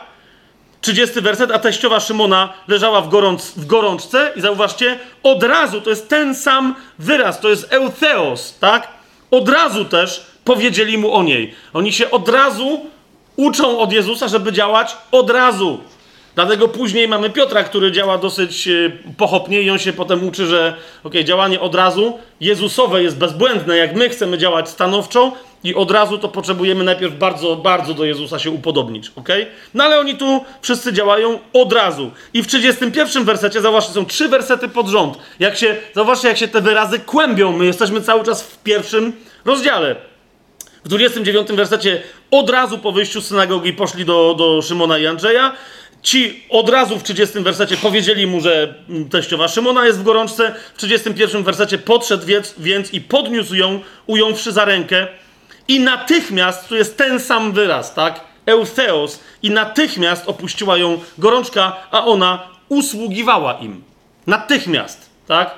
To jest kolejny momencie, kiedy Jezus działa, nie tylko On działa natychmiast, ale Jego moc też działa yy, natychmiast. Później zobaczycie na przykład, jak się kobieta go dotyka i moc z niego wychodzi. To jest, to jest wiecie, to samo zjawisko tutaj opisane. I jeszcze jakby tego było, było mało, cały czas w tym samym pierwszym rozdziale, zobaczcie 42, 43 werset. Yy, Jezus zdjęty litością wobec, wo, wobec trędowatego, zauważcie w 42 wersecie, co powiedział i teraz zaraz, kiedy to powiedział, natychmiast, to jest ten sam wyraz, gdy Pan to powiedział, natychmiast trąd go opuścił i został oczyszczony. Jezus wykonuje jakąś akcję, tą akcją czasem może być, za, on to akurat dotknął tego człowieka, ale y, w istotny sposób wiąże uzdrowienie tego człowieka nie z gestem Jezusa, o tym jeszcze y, może sobie więcej później dzisiaj powiemy, jak, jak nam zostanie czasu, ale ze słowem Jezusa. Gdy Pan to powiedział, natychmiast trąd go opuścił i został oczyszczony. A Jezus surowo mu przykazał, znaczy prze, przykazał, żeby o tym nie mówił. To, to jest jeszcze inna historia. I natychmiast go odprawił. To ile razy mieliśmy to natychmiast? Raz, dwa, trzy, cztery, pięć, sześć, siedem, osiem, dziewięć razy w pierwszym tylko rozdziale. Natychmiast, natychmiast, natychmiast. Jak widzicie, Tłumacze zwykle e, uważając, że jest to błąd stylistyczny, jak się jeden i ten sam wyraz w kółko powtarza, to to zamieniają na zaraz, natychmiast, od razu i tak dalej, ale, ale to jest cały czas ten sam wyraz. I tak 40 razy przez całych 16 zaledwie rozdziałów yy, Ewangelii Marka. Nie będziemy sobie teraz robić, wiecie, analizy czasowników w Ewangelii Marka, ale no po prostu, jeżeli ktoś z Was czytał, to już wie, jak ktoś nie czytał, to, to, to niech wie, czego się spodziewać. Tutaj cały czas, czasem jedno zdanie opowiada bardzo dynamicznie, bywa, że długą historię, dosłownie w jednym zdaniu, że coś się działo, potem coś się działo, wtedy coś się wydarzyło, a teraz to się dzieje, po to, żeby jeszcze coś miało się dziać. Okay? To, jest, to jest akcja, yy, to jest akcja u, yy, u Marka. I teraz druga rzecz, bo, bo powiedziałem, tak, że okej, okay, yy, Taki charakter ma, ma Ewangelia yy, Marka, że, że, że, że to jest, że tak powiem, kino akcji, ale zaznaczyłem też dziwną rzecz, a mianowicie, że zasadniczo jednak to nie jest klasyczne kino akcji, ale dreszczowiec. I teraz, żeby bardziej klarowne się stało, o czym, o czym mówię, ale jednocześnie, żebyście to zobaczyli w tej historii, kiedy będziecie czytać. Bo my często, wiecie, podchodzimy do, do pism świętych i słusznie, z rewerencją, ale często z nadmierną rewerencją, taką, że wiecie, że czytamy to jako. No wiecie o co mi chodzi, tak? Że, że mentalnie, nie mówię, że fizycznie tak robimy, ale mentalnie robimy Pan z wami. Tak zaczynamy czytać pismo. I niektórym to, wiecie, że to musi być, niektórzy, nie wiem, świeczkę zapalają, co, wiecie, mają specjalne miejsce, tak, i tam siedzą w nim i to musi, i robią sobie małe nabożeństwo, naprawdę często religijnej natury. I wtedy bywa, że to im zamyka uszy na słuchanie tego, albo oczy na czytanie tego, mm, co się tu dzieje. Ok? Bo to jest święta opowieść i istotniejsze jest po prostu, żeby ona wybrzmiała, niż co tam rzeczywiście Duch Święty opowiedział.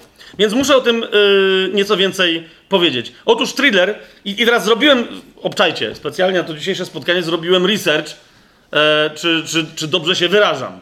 Teraz uważajcie, zebrałem z paru różnych źródeł e, takie typowe znaki charakterystyczne, że coś jest dreszczowcem, że jak, thrillerem, tak? Jak, jak ich nie ma, no to zasadniczo, nawet jak ktoś go nazwie thrillerem, to, to ludzie będą, ci, którzy uwielbiają thrillery, będą zawiedzeni. Otóż dreszczowiec Jak, jak już powiedziałem, to jest, tu mamy dreszczowiec akcji, ale klasyczny dreszczowiec, akcji czy nie akcji, to jest utwór sensacyjny. Tak? To znaczy wywołuje sensację. Ma wywołać właśnie dreszcz emocji w człowieku, że a, ma spowodować, że ludzie będą siedzieć, wie, wiecie, jak się mówi, na, na, na skraju siedzenia, żeby co będzie dalej, co się dzieje, ale jak to? Teraz, żeby uzyskać taki efekt, dreszczowiec, teraz tu cytuję, wykorzystuje napięcie, poczucie niepewności, suspens, intrygę, najczęściej polegającą na spisku. Jeszcze raz powtórzę: napięcie, poczucie niepewności, suspens, intrygę, najczęściej polegającą e, na spisku. Często ten spisek powoduje, że dochodzi do porwania kogoś. I w ramach, e, i taki thriller polega na tym, że wiecie, jak uwolnić tego kogoś, albo przez płacenie okupu, albo często się okazuje, że okup jest zapłacony, a tam się jednak coś dzieje, na tym polega suspens i, i niespodziewany zwrot akcji, że mimo okupu ten ktoś, kto miał być oddany za okup, jednak nie jest oddany. Z jakiegoś powodu teraz mi się przypomniał, chociaż tu nie mam tego zapisanego. Był chyba taki film z Melem Gibsonem, chyba się nazywający Okup, czyli Ransom, tak? I tam chyba była właśnie taka akcja, że trzeba było zapłacić jakiś okup, a on tam nie wiem, czy nie mógł, czy nie chciał, no coś czy też była obawa, że mimo, że zapłaci, to jednak tego kogoś tam, kogoś bliskiego nie dostanie, tak? No to mamy klasyczny thriller e, akcji kolejny jako, jako przykład. Zaraz będę rozwijał, gdzie, gdzie to się te, tego typu emocje i klimaty znajdują w Ewangelii Marka, ale następna rzecz. Napięcie w thrillerze, w thrillerze uważajcie, to mnie, to mnie zachwyciło. Mówię, wow! Oni teraz, rozumiecie, wymyślili to w ciągu ostatnich 100 lat dla kina, a tu Marek, w sensie przez Ducha Świętego działającego w Piotrze, rozumiecie, on już o tym jakby wiedział, tak? Mianowicie, napięcie w thrillerze czy w dreszczowcu narasta aż do punktu kulminacyjnego, który na czym polega w thrillerze?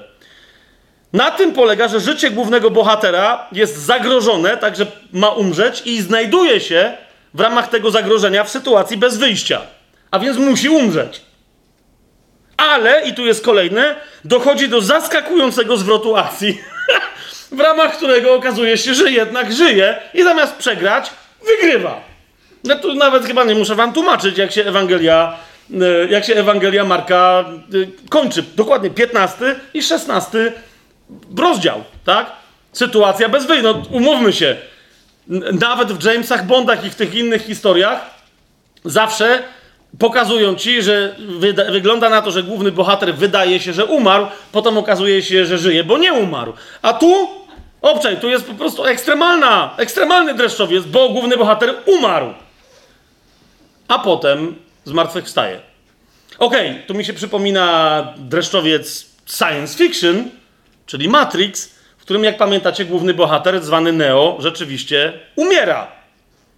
No, ale żeby jakkolwiek uzasadnić, że został wskrzeszony z martwych, jest ucałowany, nie, nie chcę powiedzieć, że pocałunkiem pokoju, ale całuje głównego bohatera, żeby go wskrzesić. Kto?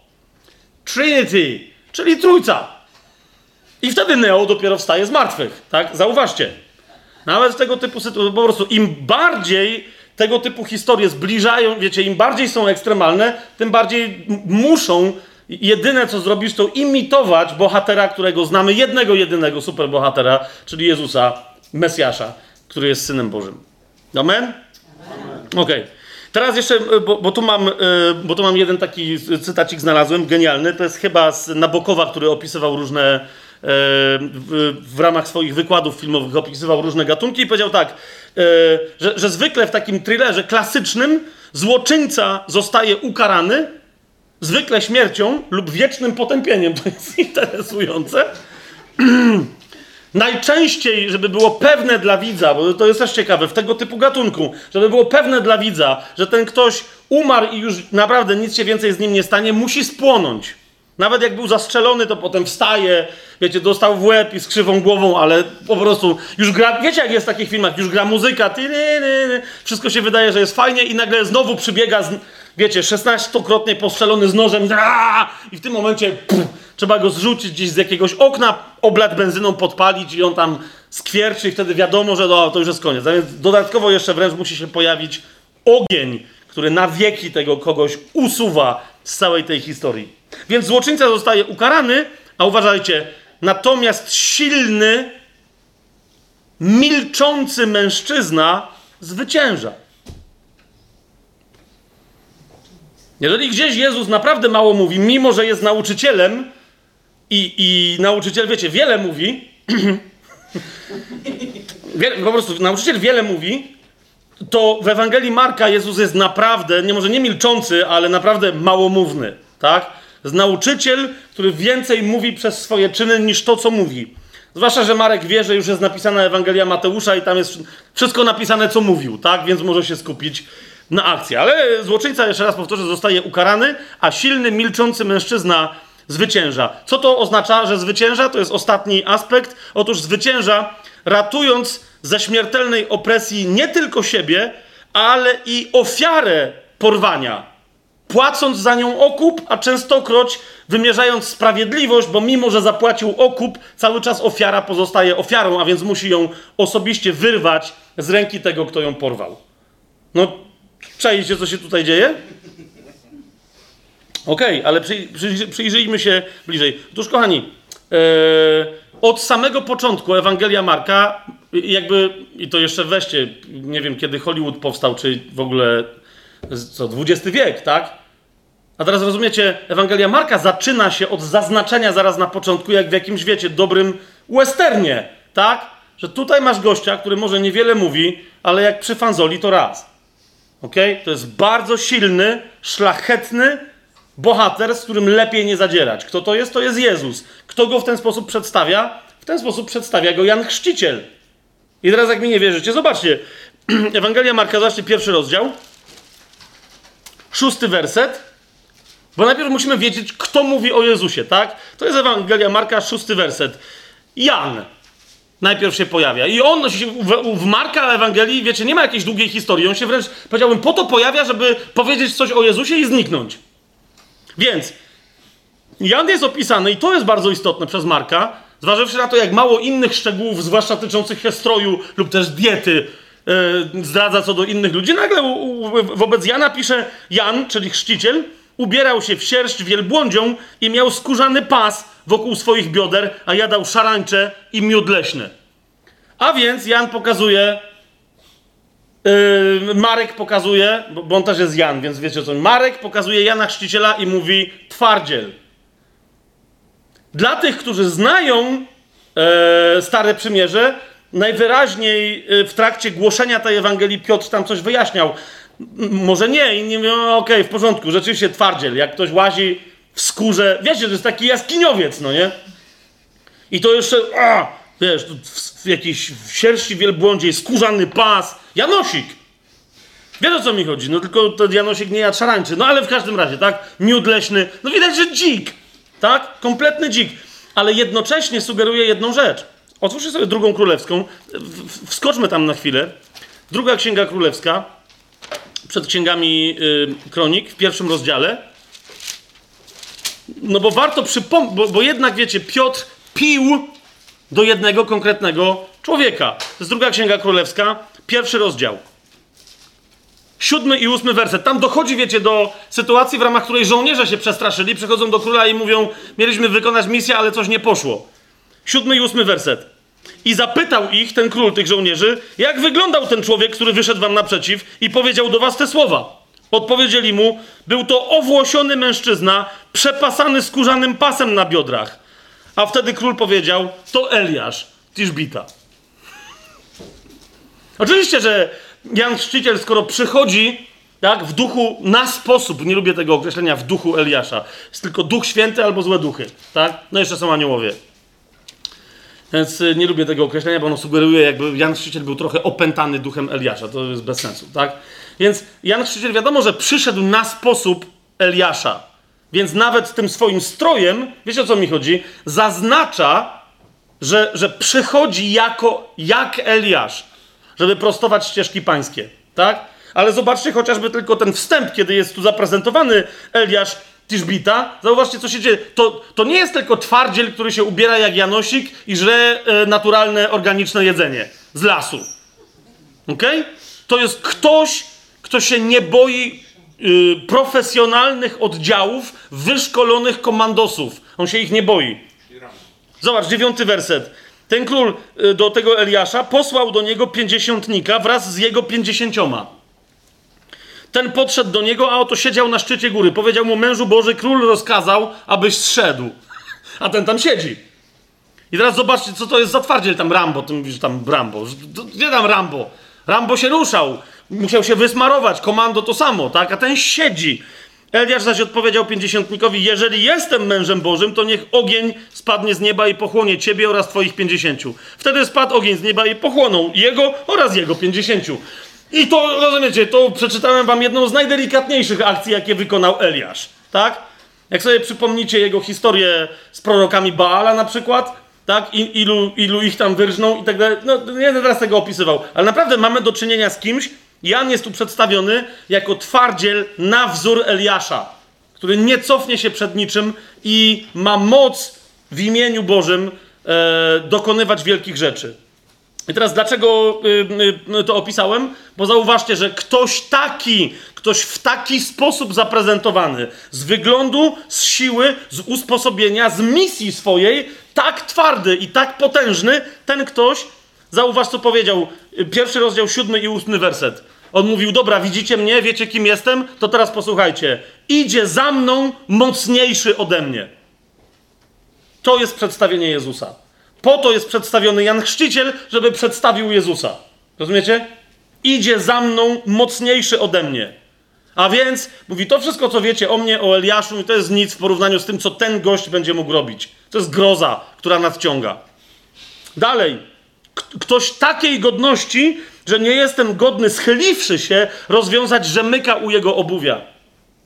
Poncjuszowi Piłatowi, Cezarowi nawet, słudzy rozwiązywali buty, rozwiązywali rzemyki u sandałów. Największym panom, rozumiesz, sługa rozwiązywał rzemyk. Na tym polegało to, że on jest wielkim panem, że ma jakiegoś dziada, który mu rozwiązuje buta. A Jan Chrzciciel mówi, nie rozumiecie, kto przychodzi. Jaki król przychodzi. Że ktoś taki jak ja, to nie jest żadnym dziadem w waszym rozumieniu. Ktoś tak potężny jak ja nie jest godzien, żeby się przed nim schylić i, mu roz... i dotknąć rzemyka u jego sandałów. To jest ktoś tak potężny. Nigdy takiego kogoś nie widzieliście. To jest zapowiedź Jezusa przez Jana Chrzciciela. I potem mówi: Ja chrzciłem was wodą, ale on będzie was chrzcić Duchem Świętym. I teraz zauważcie, zaraz po tej zapowiedzi pojawia się Jezus. Zaraz, tak? W tych dniach przyszedł Jezus z, z Nazaretu w Galilei. Od razu, jestem już zapowiedziany, bach, co tam będziemy więcej opowieści snuć. To jest thriller akcji. Zobaczcie, w 13 y, wersecie Jezus, bo teraz widzicie, skoro tak Jezus był przedstawiony, to teraz co Jezus? Jadł szarańcze i, i miód i tam inne rzeczy? Nie! Rozumiecie? On się ścigał z Duchem Świętym. Zauważcie 12 werset. Zaraz po tym, jak Bóg powiedział, ty jesteś moim umiłowanym synem, zaraz Duch zapędził go na pustynię. Znaczy, Je Je Jezus tam nie idzie spacerkiem pościć. Jezus tam leci. Po prostu biegnie. Duch go zapędził na pustynię. I trzynasty werset. Był tam na pustyni 40 dni.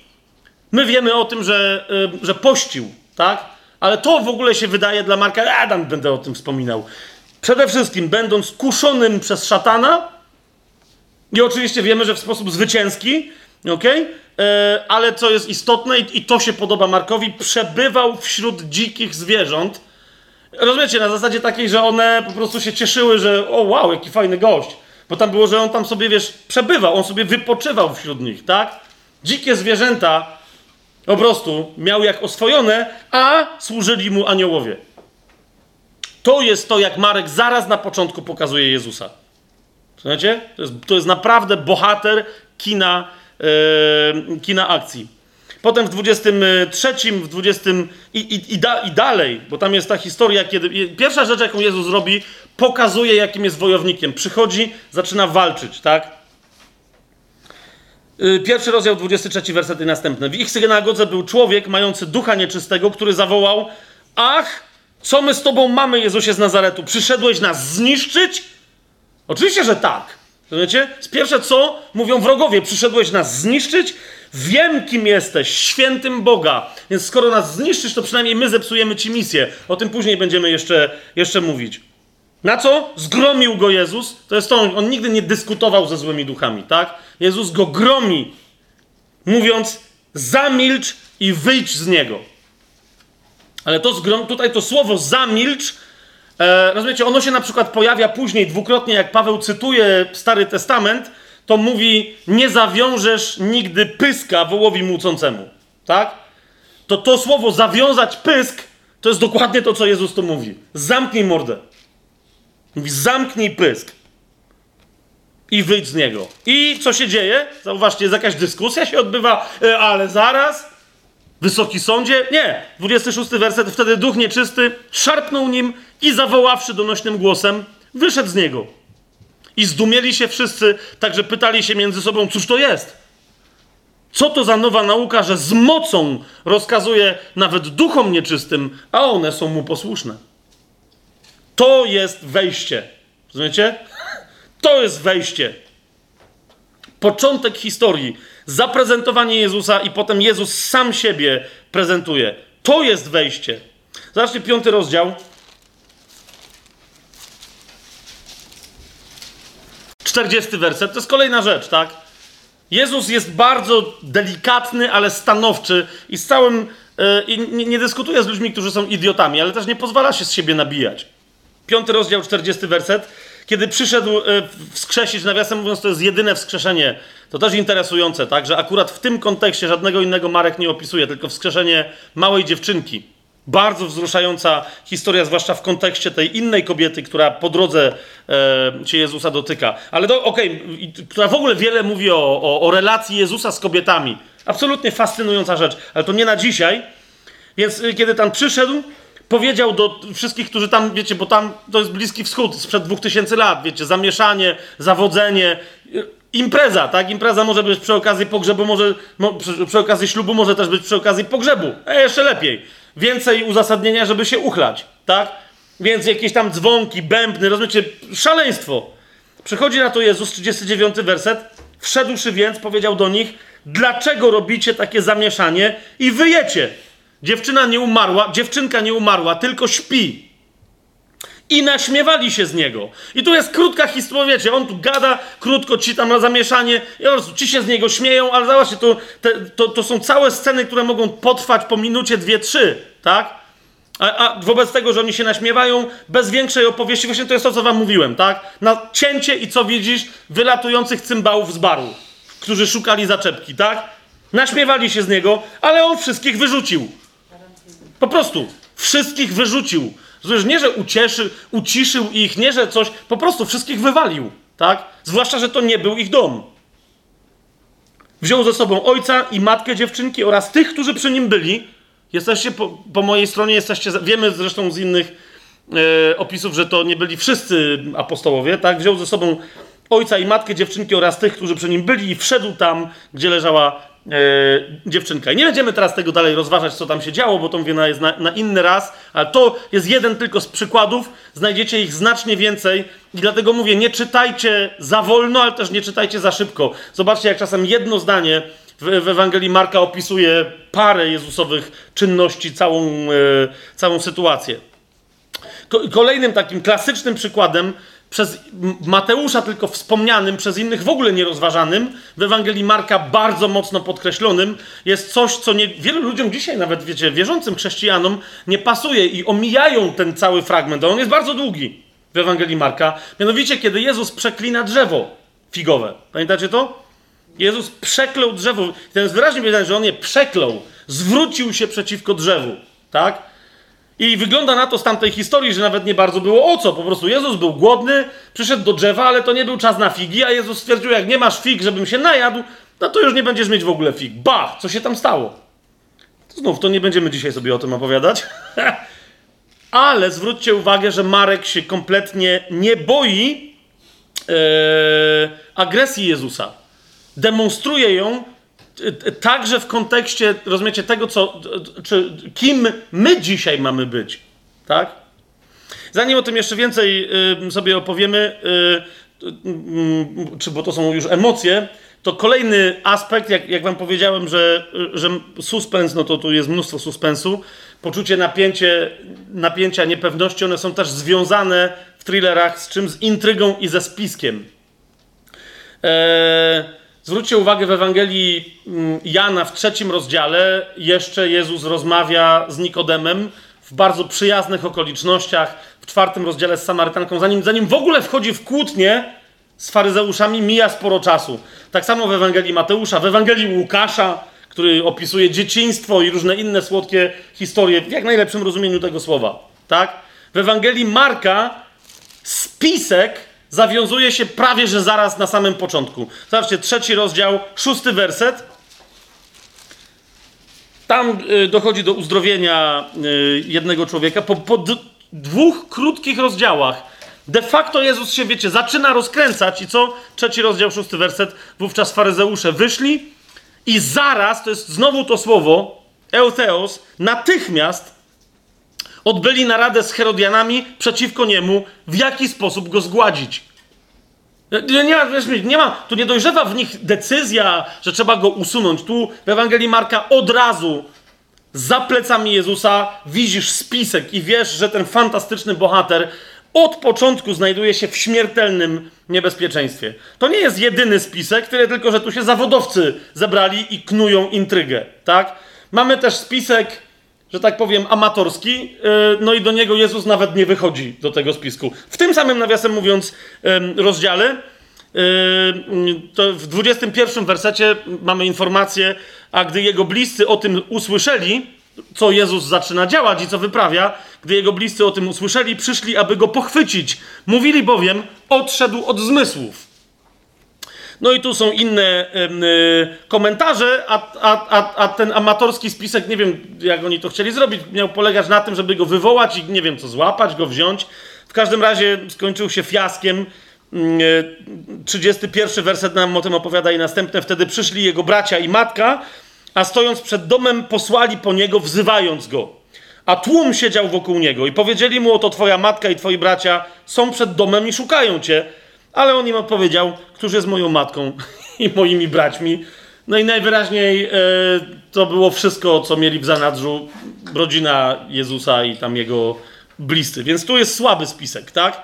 Niemniej wobec tego spisku, zauważcie, jak groźny jest ten z szóstego E, wersetu. No i z całej historii wiemy, że rzeczywiście był bardzo, ale to bardzo yy, groźny. Przeciwko Jezusowi. Niemniej, no cały czas nie tylko wiemy, że, że ludzie jacyś groźni i wpływowi od początku przeciwko niemu spiskują. Herodianie to są ludzie władzy, ludzie króla. Faryzeusze to są, wiecie, najmocniejsza frakcja e, religii panującej w tym kraju. A, a więc widać, że od początku Jezus jest kimś, kto zadarł E, ze szczyt, z całym establishmentem religijnym i świeckim, tak? Z rządem świeckim i z przywódcami religijnymi. Kolejna rzecz, bo, bo mówiliśmy sobie, czas nam upływa, a jeszcze mamy trochę do powiedzenia, e, że, że thriller ma, dreszczowiec ma wywoływać emocje, dreszczyk, dreszczyk podniecenia, ekscytacji, przerażenia, niepewności, co się dalej stanie. Bardzo ważną rzeczą jest, że Ewangelia Marka demonstruje wiele. Zobaczcie, przy, e, przy takiej akcji często bywa, że jest mało psychologii.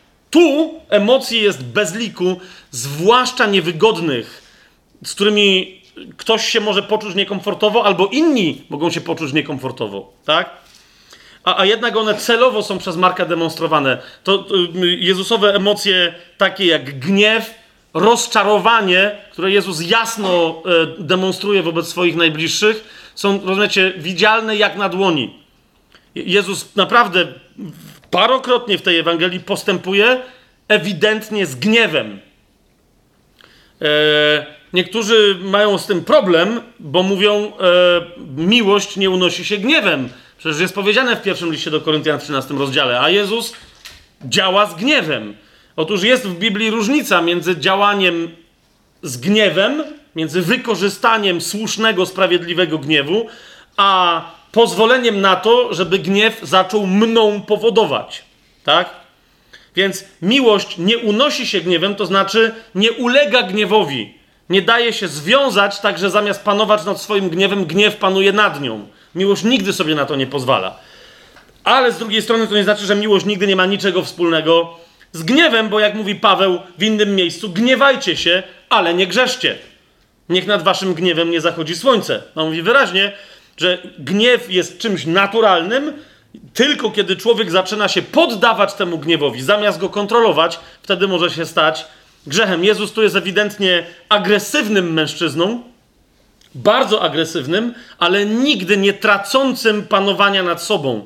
Nawet kiedy robi coś z gniewem, to nigdy to nie gniew nim powoduje, ale on wykorzystuje energię gniewu dla dobra konkretnego człowieka albo konkretnych ludzi. I na to zwróćcie uwagę. Zobaczcie na przykład w Ewangelii, no w, w tym rozdziale chociażby trzecim, w piątym wersecie, to jest, no, nawiasem mówiąc, ta akcja, po której właśnie faryzeusze i herodianie zaczęli rozważać, jakby go tu zabić. Jezus, widząc, że nie zależy im na dobru człowieka, tylko ponad człowiekiem stawiają dobro wymyślonej przez siebie religii. W piąt, piąty werset mówi, że kiedy to się okazało, bo oni, czwarty werset, bo oni milczeli na pytania Jezusa, nie odpowiadając, wtedy spojrzał po nich z gniewem i jednocześnie, zauważcie, i zasmucony zatwardziałością ich serca. I powiedział do tego człowieka: Wyciągnij rękę. Tamten wyciągnął, a jego ręka znowu stała się zdrowa, jak i druga. Ale zauważcie, e, jak mocno, e, jakby, wiecie, Marek, jak scenarzysta dla, dla reżysera, mówi: On to zrobił z gniewem. Pokaż to, że Jezus to zrobił z gniewem. Ze smutkiem w sercu, ale jednocześnie z gniewem. Po prostu. Jezus często działa e, zagniewany wobec ewidentnej niesprawiedliwości lub ewidentnego lenistwa. Zobaczcie, zobaczmy na przykład ósmy rozdział, trzydziesty trzeci werset. Bo tu ewidentnie w takim kontekście mamy y, to, kiedy tam zaczyna y, Jezusa Piotr strofować. 33 werset mówi, y, że wtedy Jezus odwrócił się, spojrzał na swoich uczniów. Rozumiecie, on nawet nie patrzy na Piotra, odwrócił się do niego plecami, żeby mu pokazać człowieku, człowieku, to jest miejsce, na które powinieneś patrzeć. Moje plecy i mój kark. I tam, gdzie ja idę za mną iść, a nie strofować mnie, jak, jak, jakbym był kimś, kto miałby Ciebie słuchać. Odwrócił się, spojrzał na swoich uczniów i zgromił Piotra. Słuchajcie, stojąc do niego tyłem, mówiąc: Odejdź ode mnie, szatanie, bo nie pojmujesz tego, co Boże, ale tylko to, co ludzkie.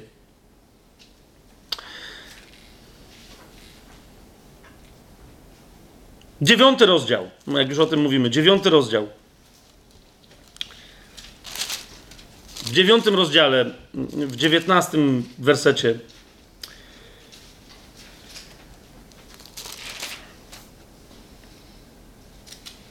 To, to jest znowu to jest, to jest gniew Jezusa wynikający z, z ociężałości serc i umysłów jego, jego uczniów.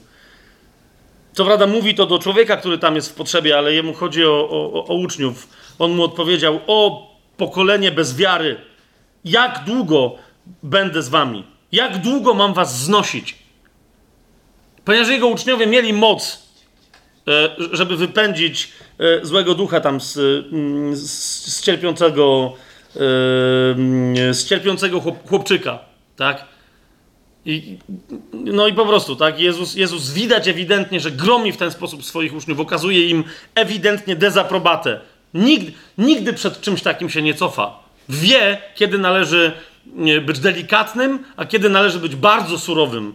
E, zresztą to słowo, że komuś coś surowo powiedział i tak dalej, ono się, mm, e, ono się w tej Ewangelii e, też pojawia. Zobaczcie, dziesiąty rozdział,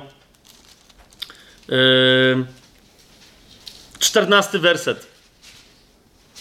Kiedy uczniowie yy, gromili ludzi, którzy przynosili dzieci do Jezusa. I oni, wiecie, przycwaniakowali tam wtedy. Grom, o, gromili, tak? Na co Jezus, zauważcie, co jest napisane, gdy Jezus to zobaczył, oburzył się i powiedział do nich: Pozwólcie dzieciom przychodzić do mnie nie zabraniajcie im, do takich bowiem należy Królestwo Boże. Jakby im chciał dodatkowo jeszcze, wiecie, pokazać, od nich się powinniście uczyć, a nie traktować jako, jako coś nieczystego, czego nie mogę się dotknąć. Ale to, to słowo, że Jezus się oburzył, mało tego znajdziemy w innych e, Ewangeliach, znacznie mniej niż, e, niż w Ewangelii Marka. Jedenasty rozdział. Zobaczcie. 15 i 16 werset. Krótki opis, ale jednocześnie zobaczcie, jak, jak, jak pełen siły. I przyszli do Jerozolimy. A gdy Jezus wszedł do świątyni, zaczął wyganiać sprzedających, potem kupujących w świątyni oraz poprzewracał stoły wymieniających pieniądze i stołki sprzedających gołębie. No, tylko Marek się tak rozpisuje, ile to mebli popsuł Pan Jezus, uprzednio wywaliwszy wszystkich, którzy by mu w tym przeszkadzali. I nie pozwolił też, żeby ktoś jakiekolwiek naczynie przeniósł przez świątynię w jedną albo w drugą stronę, tutaj do, dodam, tak? Więc w momencie, kiedy Jezus tam mówił w świątyni, był tak groźny, z Ewangelii Jana wiemy, że miał bat w ręku, tak? który mu prawdopodobnie pomagał jeszcze kontrolować tę sytuację, więc wszyscy stali pod ścianami, ale w momencie, kiedy Jezus w tej sytuacji miał coś do powiedzenia, upewnił się, że wszyscy inni słuchają tego, co mówi, a nie rozumiecie, latają za rozrzuconymi garkami, jakimiś monetami i innymi rzeczami. Tak? Upewnił się i, i po to, żeby się upewnić, wiedział, że musi być agresywny. Wiedząc, że musi być agresywny, stał się, mm, stał się agresywny. Niemniej, z drugiej strony, zauważcie, bo to jest, y, bo jak tylko to byśmy sobie opisali, to potem moglibyście się skoncentrować tylko na tym, że Jezus jest agresywny. To jest agresja, która jest uzasadniona, która zawsze jest pod kontrolą. Jednocześnie zauważcie, jak agresja objawia się w tym, że Jezus potrafi działać surowo, stanowczo, jednoznacznie, tak jeszcze bardziej Jezusowa agresja objawia się, bo to jest jedna z rzeczy, której mam wrażenie, my dzisiaj nie rozumiemy, gdy chodzi o agresję. Bo, bo, bo, ludzie mylą agresję z przemocą. Tak? Wrócił mąż do domu i bije żonę. To nie jest agresja, to jest tchórzostwo. Albo bije dzieci. Tak? To nie jest agresja, to jest przemoc. Przemoc jest wynikiem nieradzenia sobie ze swoją, ze swoją agresją. Człowiek agresywny jest agresywny ku dobru. Kontroluje siłę, która jest w nim kreatywna. ok? I jednocześnie w momencie, kiedy ciało lub emocje mówią mu, żeby z jakiejś akcji się wycofał, to nadal jest agresywny sam wobec siebie. Co prawda, już byliśmy w tym wydarzeniu, ale wróćmy do niego. Zobaczcie pierwszy rozdział, 40 werset do 45, bo chciałbym, żeby to naprawdę bardzo mocno wybrzmiało, ponieważ zanim widzimy Jezusa agresywnego, wiecie, wobec różnych ludzi, że podnosi głos, patrzy z gniewem albo tam, wiecie, rozwala im biznesy w świątyni, pierwsza agresja Jezusowa objawia się tutaj i to z całą mocą, i to jest właściwy opis tego, jak Jezus był agresywny. Potem, jak głosił Jezus w synagogach po całej Galilei, przyszedł do niego, to jest 40 werset, trędowaty. Upadł przed nim na kolana i prosił go, yy, mówiąc: Jeżeli chcesz, możesz mnie oczyścić. Genialna sytuacja, że w ogóle trędowaty wie, że może zbliżyć się do Jezusa. Rozumiecie? Według prawa mojżeszowego oni nie mieli prawa e, e, żadnego zbliżać się do, do większego zgromadzenia ludzi. W ogóle do ludzi. Musieli ze specjalnymi dzwon, dzwonkami i innymi tam rzeczami chodzić, żeby z daleka informować, że idą zanieczyszczeni trądem, żeby ludzie mogli e, się usunąć. Nie wolno im było wchodzić do miejsc zamieszkanych i tak dalej, i tak. A on podchodzi do Jezusa i pada przed nim. Mówi, jeżeli chcesz, możesz mnie oczyścić. I teraz zauważcie, co się dzieje. Jezus zdjęty litością, czy też miłosierdziem, to, to jest coś nieprawdopodobnego w tym opisie. Jak gdzieś mamy, wie, wiecie, mówimy, że kto widzi Jezusa, ten widzi Ojca, bo Jezus sam powiedział, kto mnie widzi, widzi też i Ojca, to tu masz jest wiele miejsc, które mówią, że Bóg jest miłością. Bóg sam mówi do, do swoich ludzi w piśmie: Kocham Ciebie, kocham Was. Ale jeden z najgenialniejszych gestów okazania miłości jest tutaj. Bo teraz zauważ, Jezus, przejęty miłosierdziem, zdjęty litością, wyciągnął rękę, dotknął go i powiedział do niego: Chcę, bądź oczyszczony. Trzy informacje mamy tutaj bardzo istotne. Yy, zwłaszcza w kontekście tego, co już mówiłem, 42 wersetu. Pan, kiedy Pan to powiedział, natychmiast trąd go opuścił i został oczyszczony. Zauważcie, wynika z tego, że wystarczyło, żeby Jezus powiedział: Chcę, bądź oczyszczony, bo Marek ewidentnie mówi, że ze względu na to, co Jezus powiedział, a nie, że go dotknął, trędowaty został oczyszczony. Czy to jest jasne, co mówię? Tak? Tylko i. Ale zauważcie, Jezus wiedząc o tym, że wystarczy jego słowo, zauważcie, co robi. Dotyka trędowatego. Tak? Najpierw go dotyka.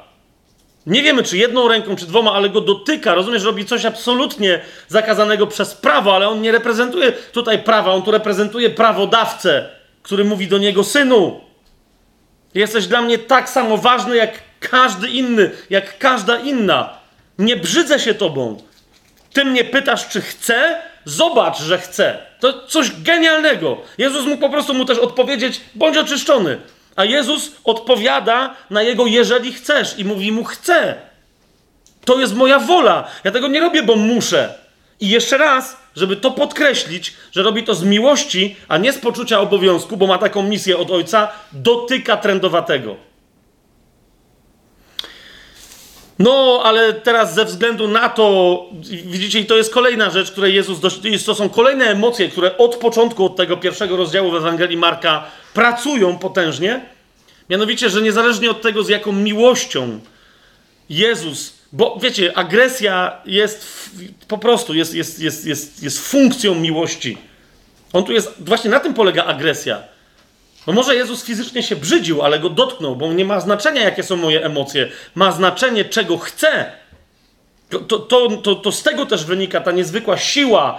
Rozumiecie, y, powiedziałbym językiem jakim troszeczkę, ale może do niektórych to przemówi, bo, bo różni ludzie nas słuchają. E, Jezus w Ewangelii Marka jest naprawdę przedstawiony jako wzorcowy, duchowy samiec alfa. Po, prostu. Tak? Nie, nieważne, emocje kontroluje, tak? Nieważne jakie inne może mieć emocje, one go nie mogą powstrzymać, jeżeli czegoś chce. To jest to, tak? Dotyka trendowatego, mówi chce. I to się dzieje. Jezus jest wierny, niezależnie od tego, jakie emocje nim targają, aż do szczytu starcia, kiedy, y, jak, którym jest Getsemani i u Marka to jest jeden z, z tych szczytów, tak? Jezus mówi, hmm, czuję to, co czuję, ale zrobię to, co mam zrobić. Po prostu. To, to, to, to jest nie tylko wódz w tej Ewangelii, ale też i wojownik, który, który, który przed, jest dlatego tak potężny, ponieważ, ponieważ przede wszystkim jest wzorem zwyciężenia samego siebie. Niemniej zauważcie, no tu właśnie, tu jest ten fragment, kiedy Jezus surowo przykazał temu trądowatemu i go odprawił, mówiąc, uważaj, żebyś nikomu nic nie mówił, tylko idź, pokaż się kapłanowi i ofiaruj swoje oczyszczenie, za swoje oczyszczenie to, co nakazał Mojżesz, na świadectwo dla nich. Widzicie, Jezus odwołuje się do prawa mojżeszowego, mówi idź, pokaż się kapłanowi i tak dalej, ale dlaczego mu mówi yy, uważaj, abyś nikomu nic nie mówił? Dlaczego mu mówi o tym? Ponieważ niezależnie od tego, że on trendowaty pokaże się kapłanom i oni zgodnie z prawem Mojżesza, nie będziemy teraz mówić, gdzie to jest, ale sobie to łatwo znajdziecie, tak?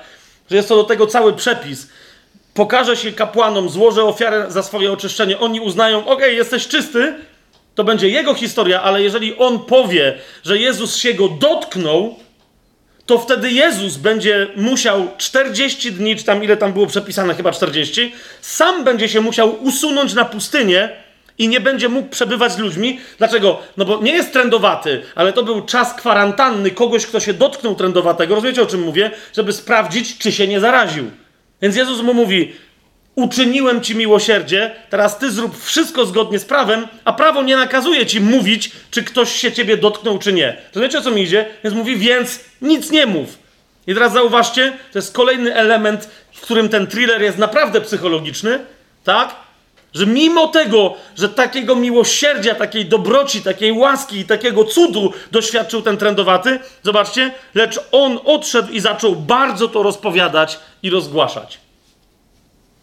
Także Jezus nie mógł już jawnie wejść do miasta, ale przebywał na, na zewnątrz w miejscach odludnych.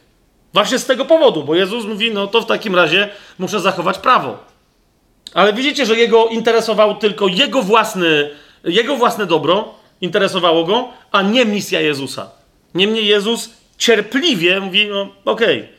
Nie zmienia to faktu, że ludzie zewsząd schodzili się do niego, skoro on nie mógł przyjść yy, do miasta, ale rozumiecie, ta, ta dychotomia, ta, ten kontrast, bym powiedział wręcz, tak?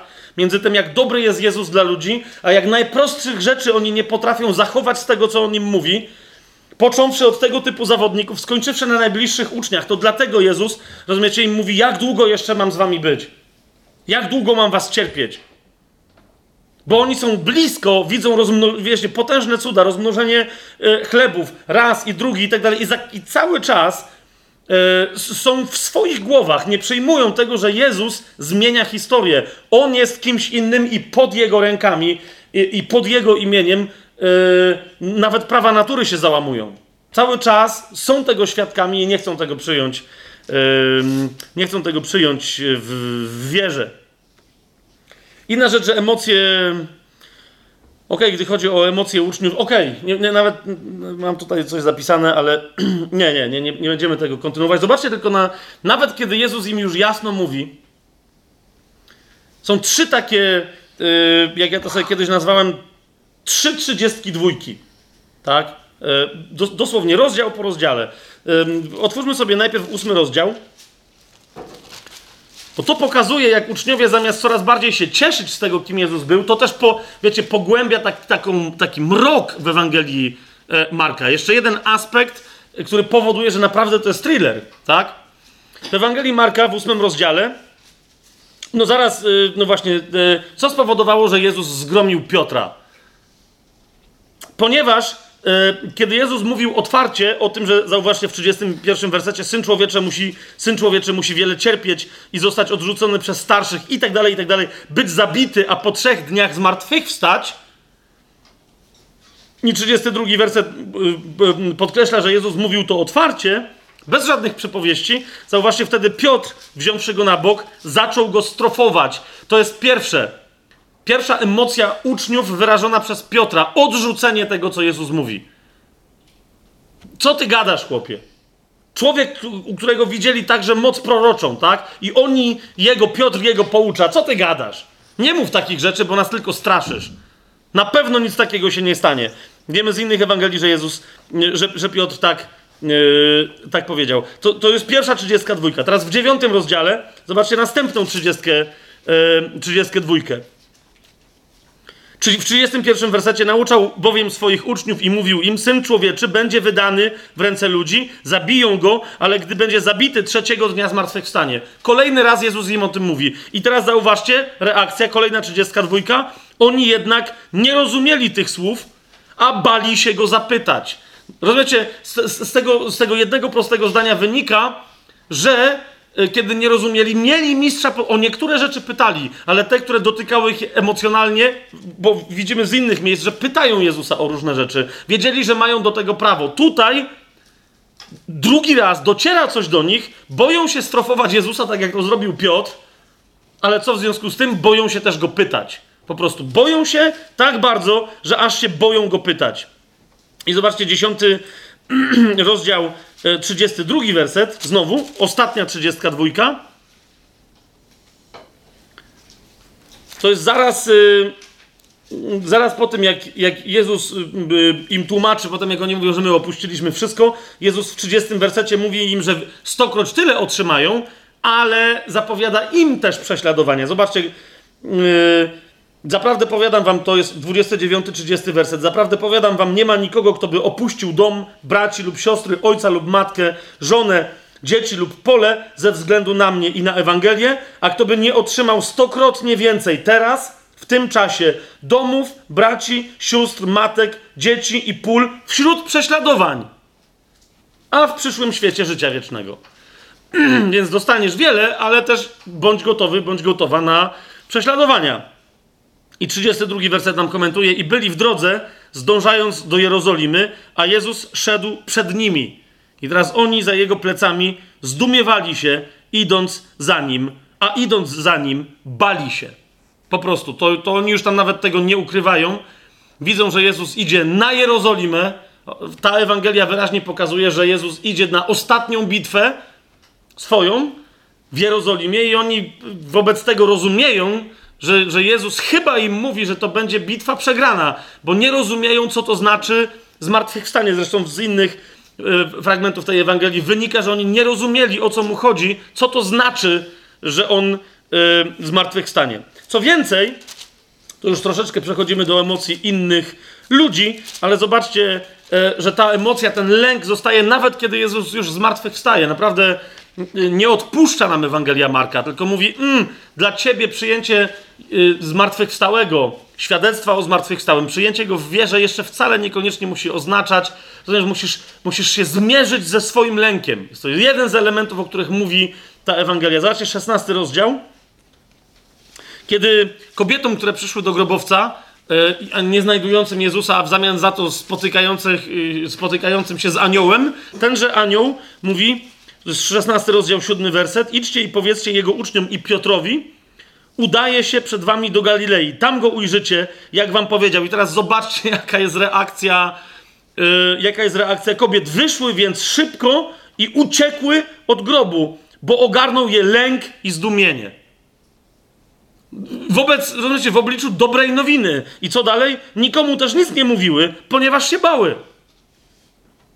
To jest to. Jeszcze raz mówię, do końca, nawet przy opisie zmartwychwstania, yy, ta Ewangelia nie odpuszcza.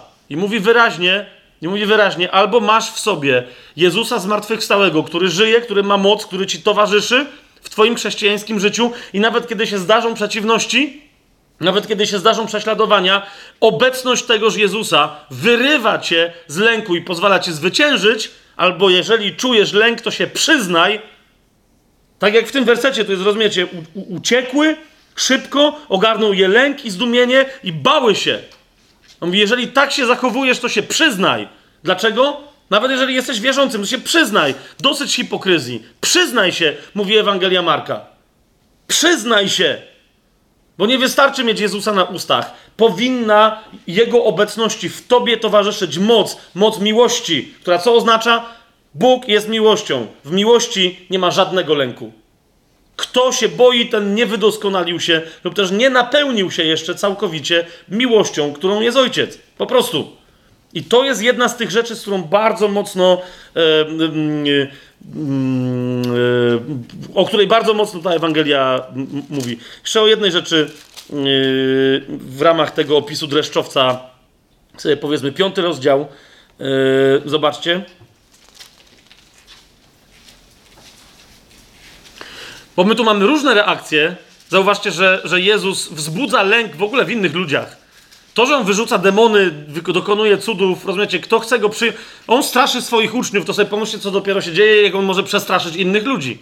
Jak uwalnia jednego opętanego, tam pamiętacie, to jest ta historia, że demony mówią, że chcą wejść w świnie, i Jezus mówi, dobra, właśnie. Zwłaszcza, że cały ten proceder to był proceder psucia Izraela. Tak? To było, to, to, bo, bo, bo wiecie, że Żydzi nie mogli jeść świń. Nie mogli jeść wieprzowiny według prawa mojżeszowego. A tam było, była ogromna ilość tych świń.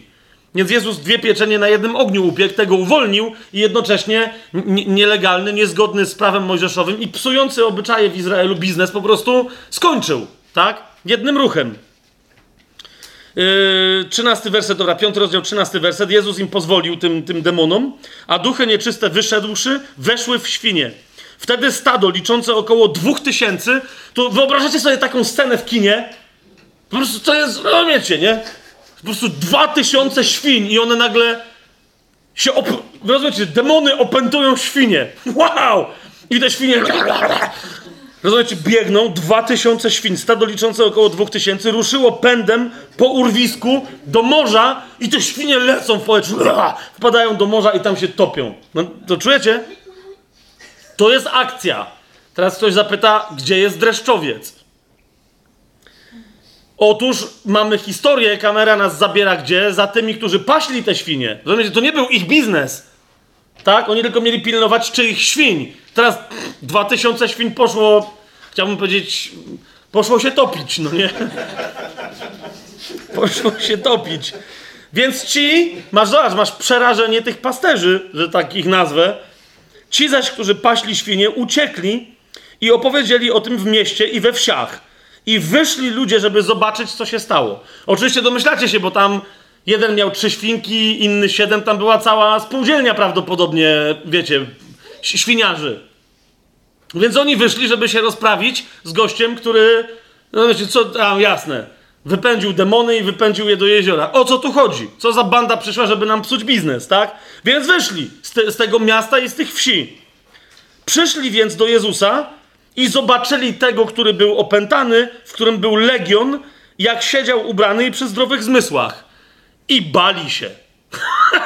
Oni stwierdzili, okej, okay, czyli to jest prawda. Był opętany, którego wszyscy się bali, a teraz siedzi elegancki w garniturze, wymyty, wyperfumowany, to znaczy gotowy do zupełnie innego rodzaju akcji i siedzi Jezus.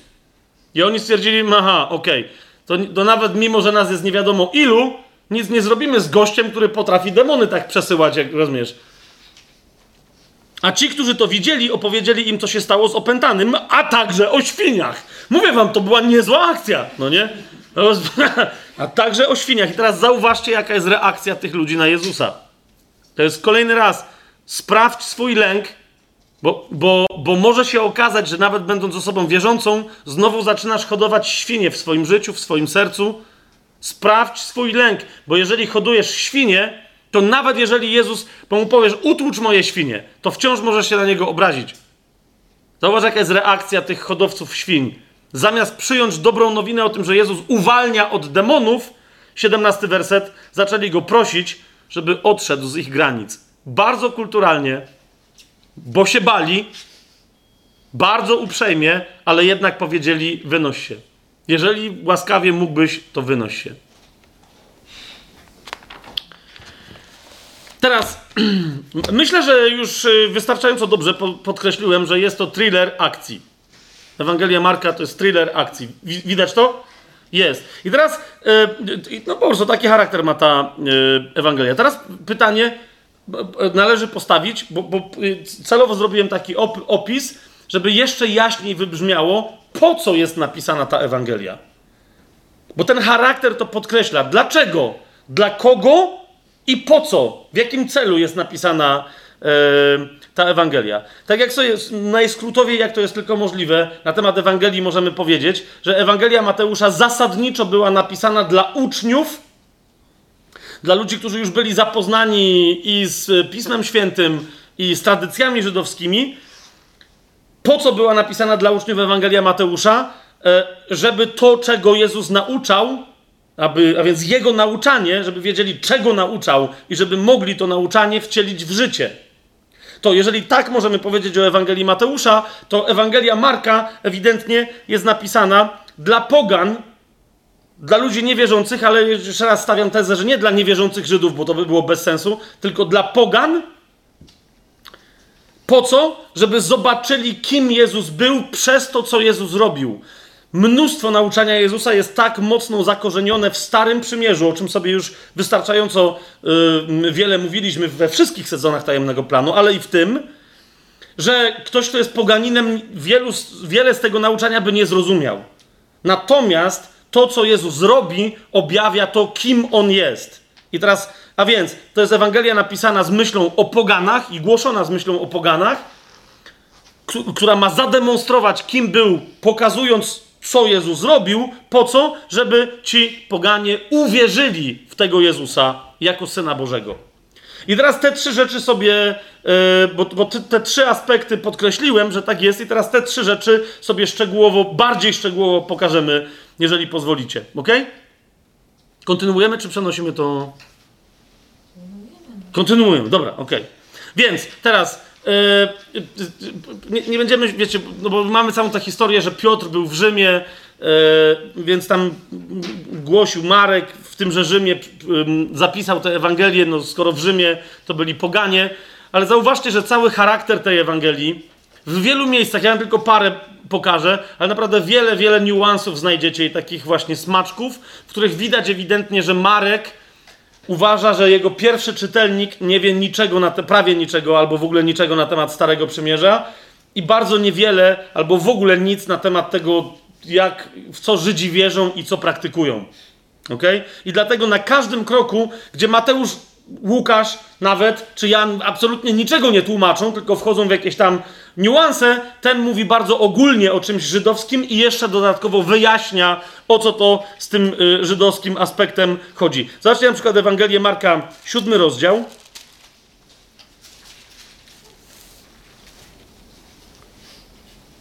Od wersetu trzeciego Yy, dobra, werset trzeci i czwarty. Zobaczcie. Mateusz, tam inni nie tłumaczą, kto to byli faryzeusze, tak? Tylko wchodzą w jakieś tam szczegółowe rozważania. A w tej Ewangelii Marek y, wyjaśnia, o co to chodzi w konflikcie Jezusa z faryzeuszami o jakieś mycie rąk. Jest siódmy rozdział Marka 3-4. Faryzeusze bowiem i wszyscy Żydzi, trzymając się tradycji starszych, nie jedzą, jeżeli dokładnie nie umyją rąk i po powrocie z rynku nie jedzą, jeżeli się nie umyją. Jest jeszcze wiele innych zwyczajów, które przyjęli po to, by je zachowywać, jak obmywanie kubków, dzbanów, naczyń miedzianych i stołów, tak? To jest jeden z takich przykładów. No wiecie, po co by to miał tłumaczyć Żyd Żydowi, tak?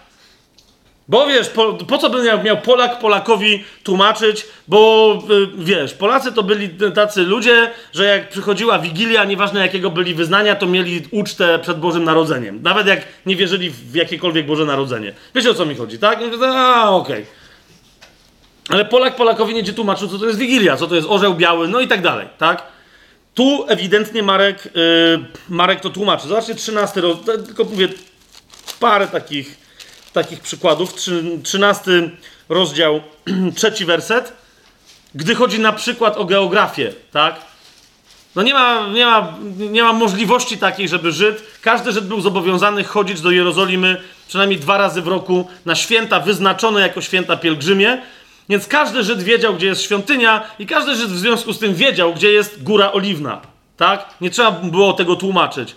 A że Marek nie pisze do Żydów, to po czym poznajemy? No po tym, że na przykład mówi 13 rozdział, trzeci werset, że Jezus, gdy siedział na górze oliwnej naprzeciwko świątyni, Piotr, Jakub, Jan i Andrzej pytali go na osobności. Tak?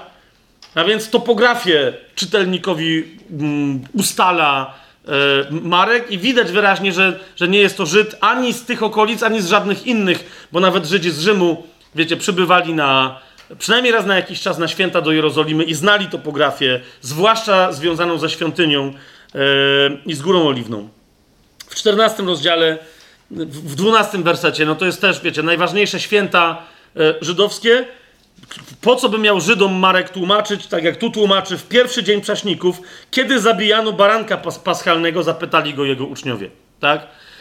Eee, to, to musi wyjaśnić komuś, kto nie wie w ogóle nic o zabijaniu baranka paschalnego i, i, i, i o prześnikach, albo wie, na, no, nie wie o tym, że to się jakoś, że prześniki z barankiem paschalnym i z paschą się e, w ten sposób przez tego baranka yy, wiążą. Więc to tyle, tak? Nie będę więcej tego rozwijał. Sami czytając Ewangelię Marka, poznajdujecie więcej takich momentów, gdzie ewidentnie Marek tłumaczy jakieś rzeczy, po czym poznajemy, że jego głównym, oryginalnym targetem, że się brzydko wyrażę, jest nie Żyd, e, nie wierzący człowiek, ale poganin, tak? Teraz następna rzecz, bo powiedziałem, że, że to jest dla pogan, dwa, po co, żeby pokazać, kim Jezus był przez to, co Jezus robił.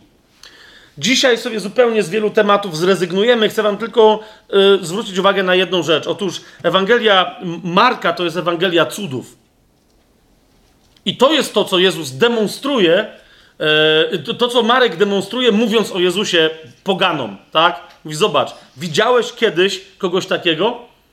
Oczywiście Jezus jest w ogóle w tej Ewangelii człowiekiem działania. Tak?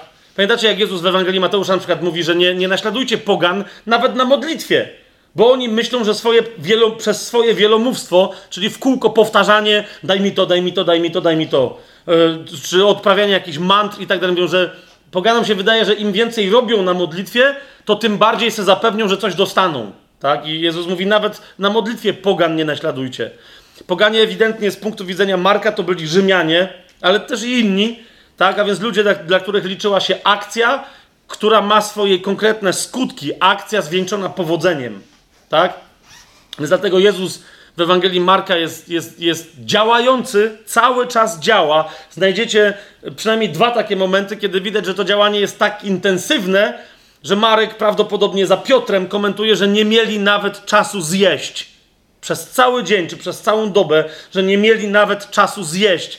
I kiedy Jezus odsyła uczniów, żeby oni sobie chociaż coś zjedli i żeby odpoczęli, zobaczycie, że Jezus nie odpoczywa, tylko cały dzień zajmuje się tłumami.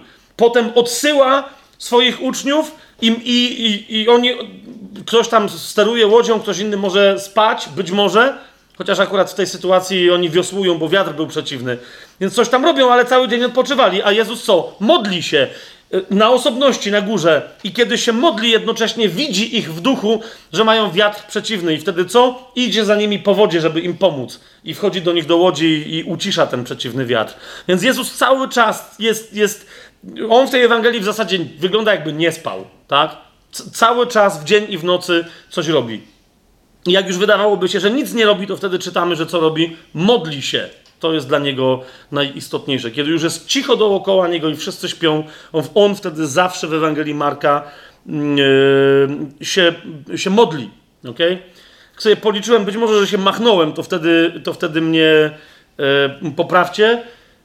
Jak powiedziałem, Jezus w Ewangelii Marka działa i zasadniczo jest to działanie nadprzyrodzone. To znaczy, Jezus dokonuje różnego rodzaju cudów. Policzyłem sobie, że, że 12 uzdrowień Pamiętajcie, to, to jest Ewangelia, która ma 16 rozdziałów, tak? I, I w takim krótkim, wydawałoby się, takiej krótkiej narracji mamy 12 uzdrowień, 5 interakcji z naturą, tak bym to nazwał, bo tam jest burza na morzu z jednej strony, nakarmienie 5 tysięcy yy, yy, chlebem, chodzenie po wodzie, tam nie ma burzy, ale jest przeciwny wiatr, potem jest znowu nakarmienie 4000 i potem jest jeszcze właśnie ta sytuacja, kiedy Jezus przeklina figę, więc jest 12 uzdrowień, 5 takich interakcji z naturą nadprzyrodzonych, 10 uwolnień od demonów, tak? Bardzo istotna, na różne sposoby, bardzo istotna w Ewangelii Marka e, rzecz i tylko jedno wskrzeszenie, ale, ale mówię tylko jedno, bo wiemy z innych e, Ewangelii, że, że było też więcej, ale to też ma znaczenie u Marka. Nie będziemy dzisiaj tego tematu, yy, nie będziemy dzisiaj tego tematu rozwijać. Niemniej o tym wszystkim, o tym wszystkim, że Jezus uzdrawiał, tak? W Ewangelii Marka w siódmym rozdziale znajdziemy taki komentarz. I to, i to jest, widzicie, to jest jeden z takich śladów. Teraz, no, to dobra, zdradzę wam to, chociaż nie, pewnie wielu by się już zorientowało, wiele osób tutaj. W siódmym rozdziale, w 37 wersecie, e, mamy taki komentarz, i dla mnie to jest ewidentnie komentarz Piotra. Zaraz, e, jak ktoś wie dlaczego, to, to, to niech kiwnie głową, a jak nie, to, to zaraz wam pokażę dlaczego. Bo w tej Ewangelii jest powiedziane, że jak Jezus to wszystko robił i uwalniał i tak dalej, e, siódmy rozdział, 37 werset, niezmiernie się zdumiewali, mówiąc, dobrze wszystko uczynił. Jeszcze raz powtórzę, dobrze wszystko uczynił. Sprawia, że głusi słyszą i niemi mówią. To jest komentarz innych ludzi, ale wiecie, według mnie ewidentnie komentarz, który wielokrotnie Piotr powtarzał na temat Jezusa i dlatego jest jeden ze śladów Piotra w tej Ewangelii. Dobrze wszystko uczynił, a więc uczynki Jezusa, które są dobre dla wszystkich, czym się to głównie wyrażało? W uzdrawianiu. Czemu tak mówię? E, no, no, na przykład zobaczcie e, świadectwo dziejów apostolskich na temat głoszenia Jezusa. E, na temat głoszenia Jezusa, no Jezusa, ale przez Piotra. Zauważcie, jak Piotr nie ma za dużo czasu, co więcej, mówi do pogan właśnie. To jest bardzo interesujące. Tak jak Marek po nim pisze też do pogan. W dziesiątym rozdziale dziejów apostolskich Zobaczcie, jak skrótowo musi Piotr powiedzieć poganom, bo to jest dom Korneliusza, o co chodziło z Jezusem, to mówi 10 rozdział, 37 werset yy, i 38. Zobaczcie, co mówi. Wy wiecie, co się działo w całej Judei, począwszy od Galilei, po chrzcie, który głosił Jan. Jak Bóg namaścił Duchem Świętym i mocą Jezusa z Nazaretu, który chodził, dobrze czyniąc i uzdrawiając wszystkich opanowanych przez diabła, bo Bóg był z nim. To jest, to jest jeden z ewidentnych śladów. Widzicie, Łukasz mówi, tak głosił Piotr, a u Marka znajdujemy 7 rozdział 37 werset, dokładnie to samo. Dobrze wszystko uczy, wszystkim uczynił. Tak? E, dokładnie taki sam rodzaj mm, e, e, działania. I, I jedna bardzo istotna rzecz, mianowicie, bo też wiecie, zwracając uwagę, jak działa Jezus w Ewangelii Marka, nie możemy zapomnieć o jednej kwestii, mianowicie, że to, że, że nam Marek pokazuje Piotr, Duch Święty przez Piotra i Marka, Jezusa takiego, to po to, żebyśmy my byli tacy jak Jezus. Bo, bo, bo, bo jeżeli ta Ewangelia jest napisana głównie z myślą o poganach, to czy to znaczy, że ona się nie nadaje dla uczniów? Wręcz przeciwnie. Tyle tylko, że jak uczeń z Ewangelii Mateusza dowiaduje się, czego Jezus nauczał w słowach, tak z Ewangelii Marka dowiaduje się uczeń, jaki ma być ponieważ chce być taki, jaki był Jezus, a więc co ma robić, tak? I między innymi z tego powodu chcę wam zwrócić uwagę na jedną historię, absolutnie zadziwiającą, żebyście zwrócili uwagę na jedną rzecz. To jest czternasty rozdział yy, Ewangelii Marka.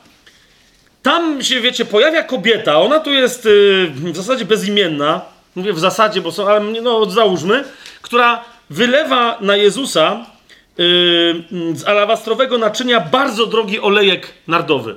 Pamiętacie tą, tą, tą scenę, tak? Ale na co chcę wam zwrócić uwagę? Zobaczcie, i tam na nią napadli, że to można było, oczywiście podkuszeni przez Judasza, tak? Który był odpowiedzialny, że to można było sprzedać i rozdać ubogim. Zobaczcie szósty werset. Jezus, lecz, Jezus powiedział, jeżeli jest lecz, to znaczy, że się przeciwstawił, tak? Że się z czymś nie zgadza.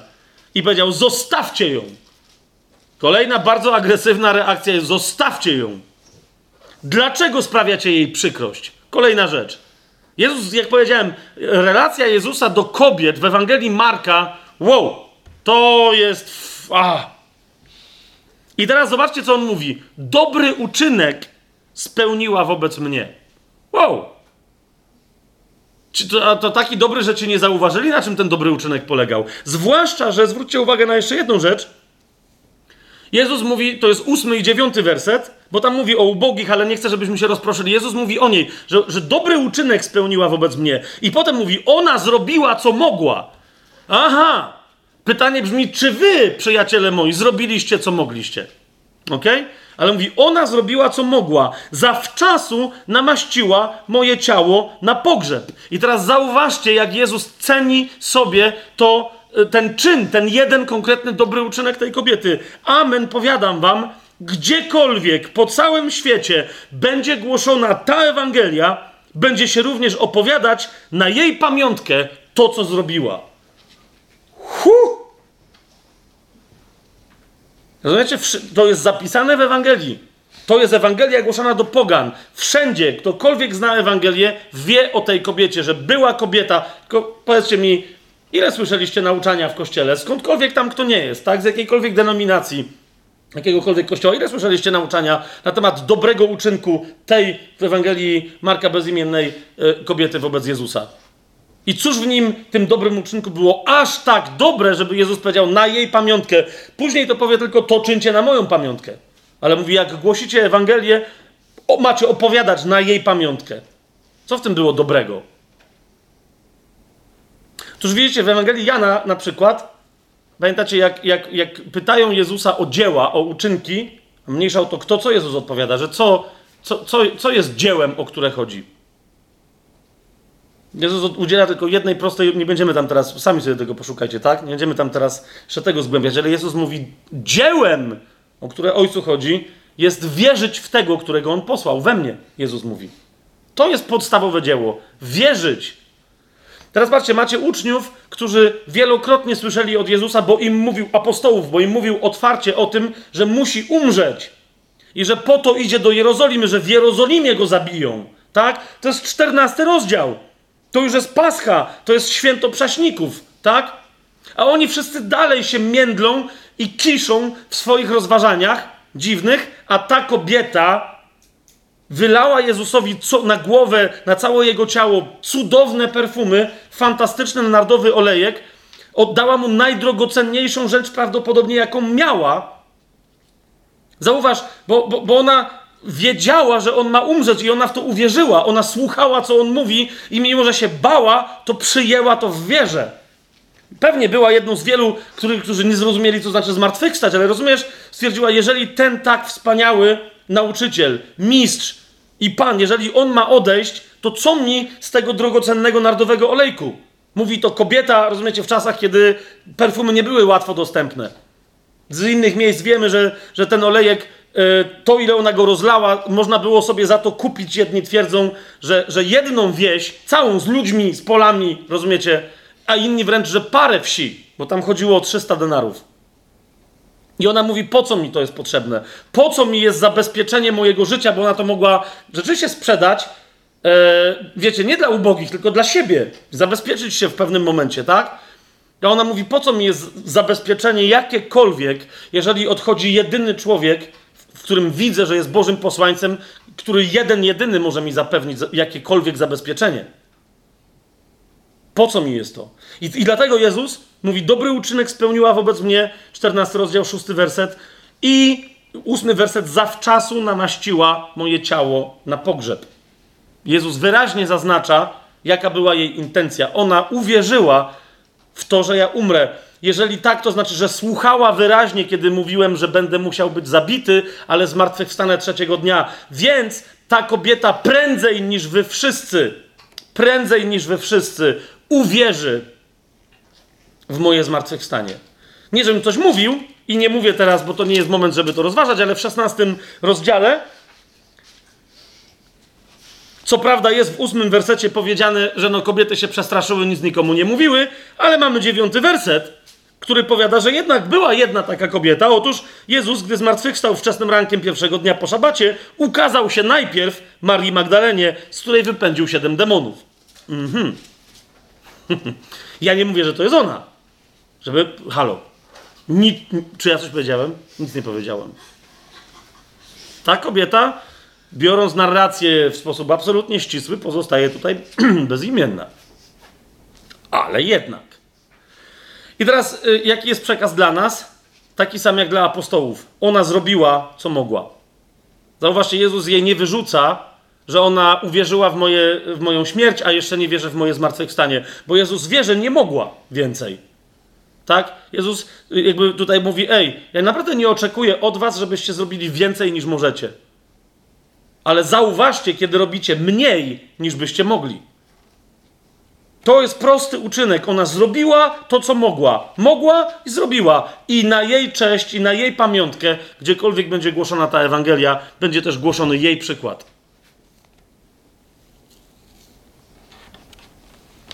Teraz, yy, teraz kolejna rzecz, tak? Bo jak już mówimy o wierze, no to powiedziałem, że to jest Ewangelia Marka, jest Ewangelią dla pogan, to jest Ewangelia która pokazuje Jezusa cały czas działającego, zwłaszcza w sposób nadprzyrodzony. I nie będziemy na razie się specjalnie zajmować cudami Jezusa, e, ich charakterem i, i co one oznaczają, ale zasadniczo ta demonstracja e, cudów Jezusa i jego mocy służy czemu? Żeby ci, którzy czytają tę Ewangelię, Ewangelię lub jej słuchają, bo to jest bardzo istotne, żeby uwierzyli.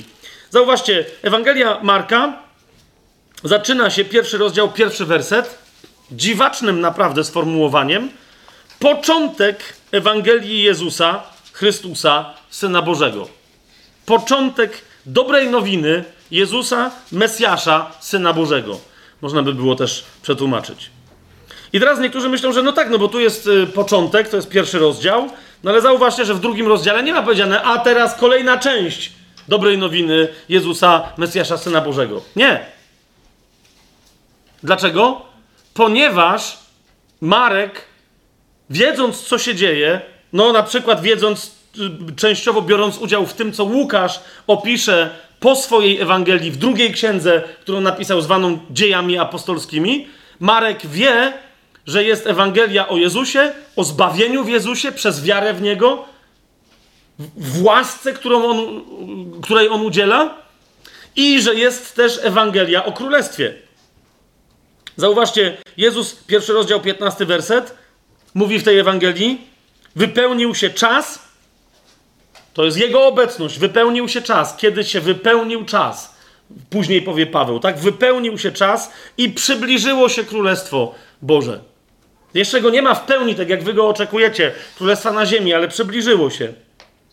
Pokutujcie i wierzcie dobrej nowinie. To jest to, co głosi Jezus. Ale jak potem zauważycie, Niewiele jest powiedziane, co Jezus głosi na temat królestwa. Tak? Dlaczego? Ponieważ ta Ewangelia to jest początek Ewangelii Jezusa, Mesjasza, Syna Bożego.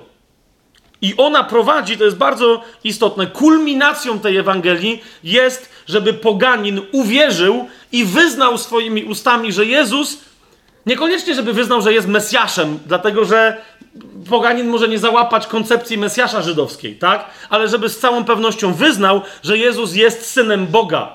Ok? Oryginalny, to nie takim synem Boga, wiecie, jak Żydzi się nazywali, że my wszyscy jesteśmy synami Bożymi, ale że jest prawdziwym synem Boga, niosącym w sobie naturę Boga, a więc, że jest Bogiem wcielonym. Widzicie, wszyscy Żydzi wtedy mówili, że są synami Bożymi, ale do kogo Bóg się odezwał, tak jak do Jezusa? Zobaczcie pierwszy rozdział, jedenasty werset. I rozległ się głos z nieba: Ty jesteś moim najukochańszym synem, z którego jestem bardzo, ale to bardzo dumny. Ty jesteś moim umiłowanym synem, w którym mam upodobanie. W innych e, Ewangeliach, nawet w tej zresztą, tak? Później głos Boży, na przykład w czasie przemienienia tak zwanego, na, na jednym ze szczytów Chorebu, jak sądzę, o topografii Ewangelii Marka, gdzie Jezus przechodził, będziemy mówić następnym razem. Tam jest powiedziane, to jest mój syn, jego słuchajcie, ale tu zauważcie, on mówi bezpośrednio do niego. To jest jego jednorodzony, jedyny w tym charakterze prawdziwy syn swojego ojca. Ty jesteś moim umiłowanym synem. I chodzi o to, żeby poganin wyznał, tak, y, y, w czwartym sezonie pamiętam, że myśmy mieli któryś tam odcinek, nie pamiętam który, ale gdzie tłumaczyliśmy sobie, jak istotne jest to, żeby wyznawać Jezusa jako Syna Bożego. Pamiętacie, że to było, to mniejsza o to. Tam myślę, że z tytułów nawet to można czwartego sezonu wywnioskować. Gdyby ktoś chciał, to sobie czwarty sezon tajemnego planu niech przeglądnie i tam to, yy, i tam to znajdzie. Więc tu chodzi o wyznanie wiary w to, że, że Bóg człowiek dokonał czegoś niewyobrażalnego, że zapłacił okup za, za całą ludzkość i że ją wyzwolił, tak? Że prawdziwie jest Synem Bożym i, i, i ma e, taką Syna Bożego moc. I dlatego też kulminacją Ewangelii Marka jest dokładnie to, o co w niej chodzi. Tak jak jeden poganin przyszedł pod krzyż, nieważne po co tam przyszedł, bo przyszedł w innym celu, ale ponieważ był pod krzyżem, to go dotknęło i wyznał wiarę w Syna Bożego, tak ty, poganko, ty, poganinie, zrób to samo. Idź pod krzyż i wyznaj wiarę w Syna Bożego. To jest 15 rozdział, 39 werset. A setnik, znaczy inaczej, zauważcie, jest śmierć Jezusa, Skrótowo tylko Marek mówi, jaki to miało skutek, ta jego śmierć, że rozerwała się zasłona w świątyni, żeby na tej podstawie, wiecie, móc głosić dalej o tym, co to oznaczało świątynia, miejsce święte i tak dalej.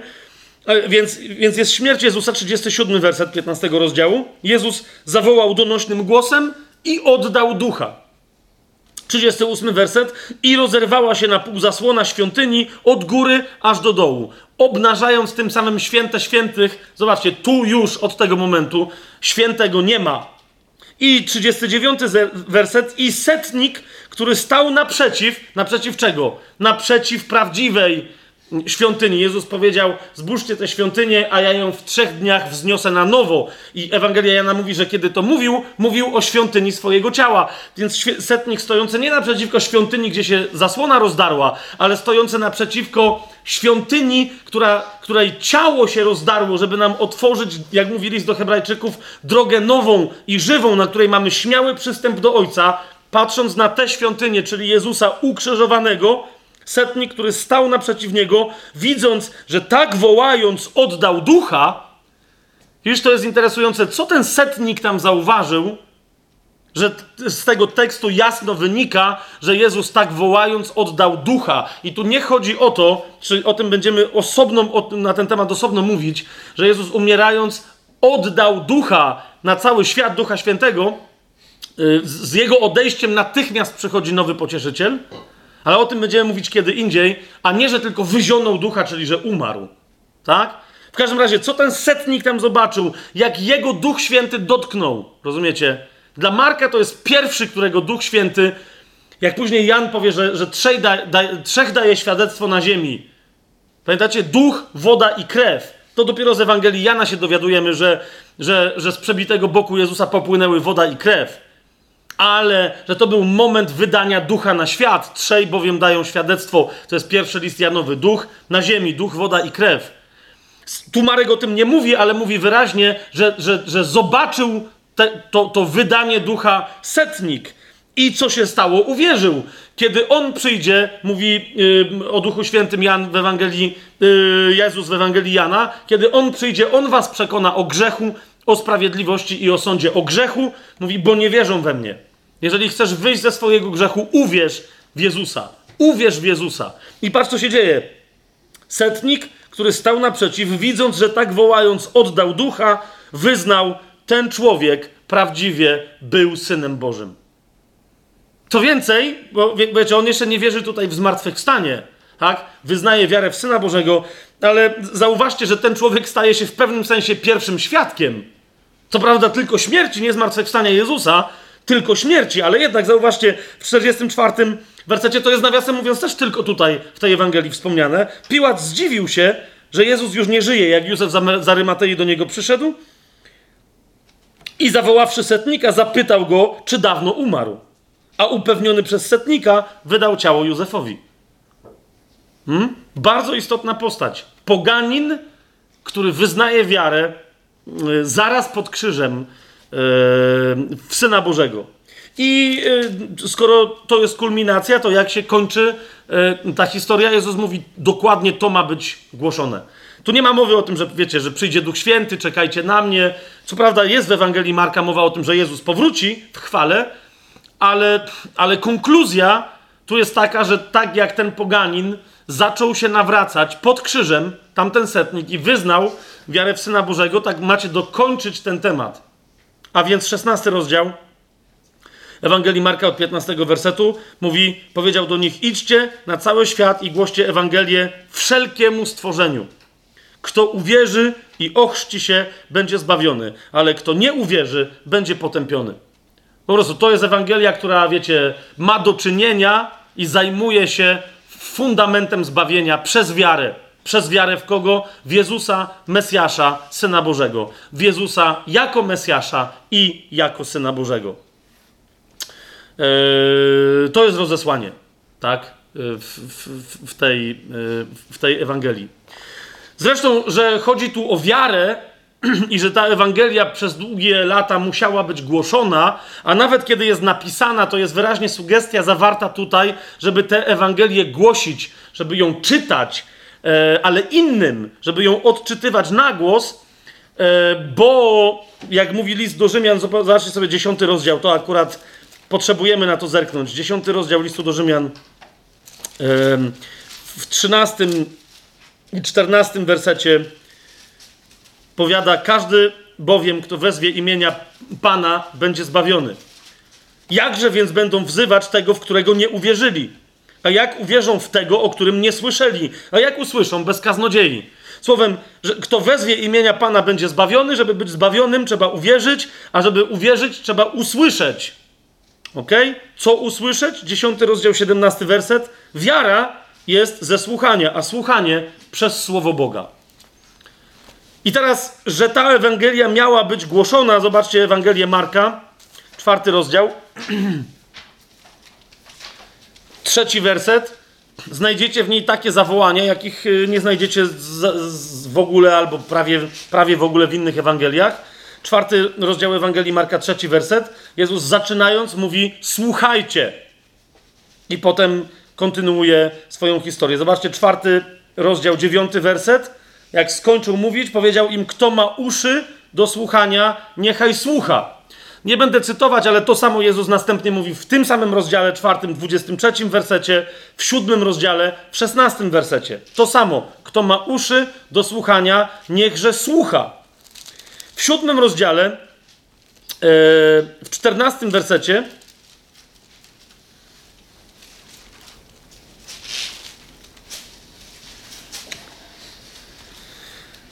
znajdujemy takie sformułowanie, zwoławszy wszystkich ludzi, mówił do nich: Słuchajcie mnie wszyscy i zrozumiejcie. Kolejne podkreślenie, jak istotne jest słuchanie dla obudzenia wiary. W ósmym rozdziale, w osiemnastym wersecie, Jezus się skarży, konfrontuje wszystkich, mówiąc: Macie oczy, a nie widzicie, i macie uszy, a nie słyszycie, i nie pamiętacie? Jest kolejna rzecz, która nas budzi przy czytaniu, yy, przy czytaniu tej, yy, tej Ewangelii. I teraz yy, kluczowy, kluczowa scena dla zrozumienia całej tej sytuacji, kochani, to jest siódmy rozdział, chociaż nie, jeszcze, jeszcze jedna rzecz. To sobie tego nie zapisałem, ale, ale myślę, że to warto podkreślić. W czwartym rozdziale Ewangelii Mateu, Marka to słuchanie jest tak istotne, z którego rodzi się wiara, że wręcz znajdujemy następujący fragment. To jest czwarty rozdział od 24 wersetu. Zaraz po tym, jak, jak w 23 wersecie mamy powiedziane, jeżeli ktoś ma uszy do słuchania, niech, niech słucha. Zauważcie, co Jezus mówi. Powiedział do nich, uważajcie na to, czego słuchacie. I dalej, to jest dopiero szokujące. Jaką miarą mierzycie, taką będzie wam odmierzone. A wam, którzy słuchacie, zostanie jeszcze dodane. I nie będę teraz tego komentował, ale zauważcie, że w innych Ewangeliach, gdzie jest powiedziane, jaką miarą mierzycie i wam będzie dane, jednym ci, którzy nie mają, stracą to, co im się wydaje, że mają, a ci, co mają, będzie im przydane. Zauważcie, jak tu zdumiewająco e, e, Duch Święty łączy dawanie, branie, miarę dawania łączy ze słuchaniem. Tak? Jezus mówi, tak, jest taka zasada. Dajesz, więcej otrzymasz tego, co dajesz. Ale, mówi, do tych, do, wam, którzy słuchacie, mówię, zostanie jeszcze dodane. Wam, którzy słuchacie tej, yy, tej Ewangelii. I teraz zobaczcie, siódmy rozdział to jest kluczowa scena dla, dla zrozumienia wszystkiego, gdy chodzi o słuchanie. I to naprawdę na tym dzisiaj yy, skończymy. To jest siódmy yy, rozdział, 32 werset i następne. I przyprowadzili do niego głuchego. To jest istotne, że przyprowadzili do niego człowieka głuchego, który miał trudności z mówieniem. Ale coś tam bełkotał, tak? Ale przez to, że był kompletnie głuchy, to nawet sam siebie nie słyszał po prostu, tak? Był głuchoniemy, ale bardziej głuchy niż niemy. Przyprowadzili do niego głuchego, który miał trudności z mówieniem i prosili go, aby położył na niego rękę. Kolejna bardzo interesująca informacja. E, jak ludzie, wiecie, patrząc na Jezusa, to jest, jeszcze raz, kto ma uszy do słuchania, niech słucha, ale pamiętajcie o tym ostrzeżeniu Jezusa. Macie oczy i nie widzicie, macie uszy i nie słyszycie i nie pamiętacie. Widzisz, ci obserwowali wiele uzdrowień u Jezusa, ale jak czytacie Ewangelię, to zobaczycie, zwłaszcza tą Ewangelię, że Jezus prawie za każdym razem jakieś inne rzeczy robi. Kogoś się dotyka, kogoś nie dotyka, coś tam robi. A ludzie przychodzą do Jezusa i zauważcie, oni mu nie mówią, żeby go uzdrowił tego głuchoniemego. Oni wiedzą, co Jezus ma zrobić, że ma na niego położyć rękę. W związku z tym, kapujecie, oni, oni wiedzą, że, je, że ten człowiek ma być uzdrowiony, ale rozkazują Jezusowi, co ma robić. To to, co my często, wiecie, nie tylko wiem, chcemy, żeby Bóg coś zrobił w imieniu Jezusa, żeby ktoś był uzdrowiony albo żeby coś się stało.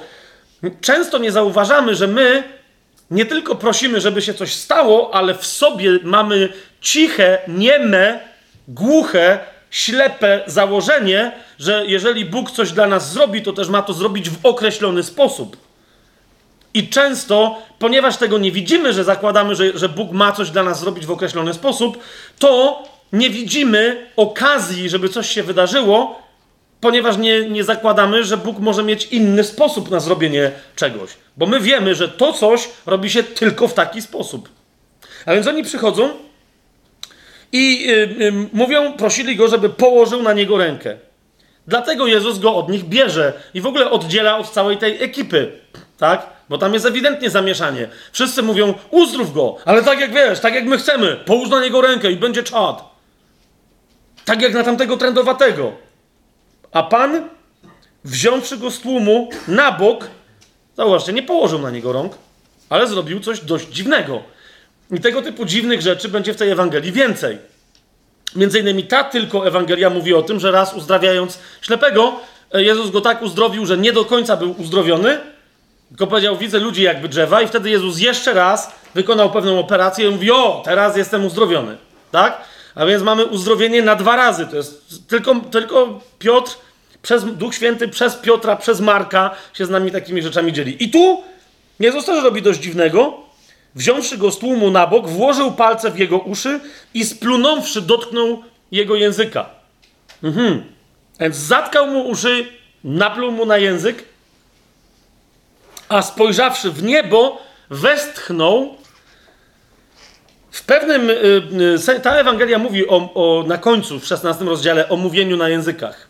I niektórzy słusznie zauważają, że, że też y, do tego, do mówienia na językach odwołuje się Paweł, kiedy mówi, że jeżeli nie wiemy, jak się modlić, wtedy Duch Święty przychodzi w pomocy naszej modlitwie i, w, i zaczynamy się modlić w westchnieniach, których nie da się wyrazić normalnymi słowami. Y, więc niektórzy tam zwracają uwagę, że to są języki, w związku z tym sugerują, że tu też Jezus spojrzał w niebo i zaczął się modlić na językach.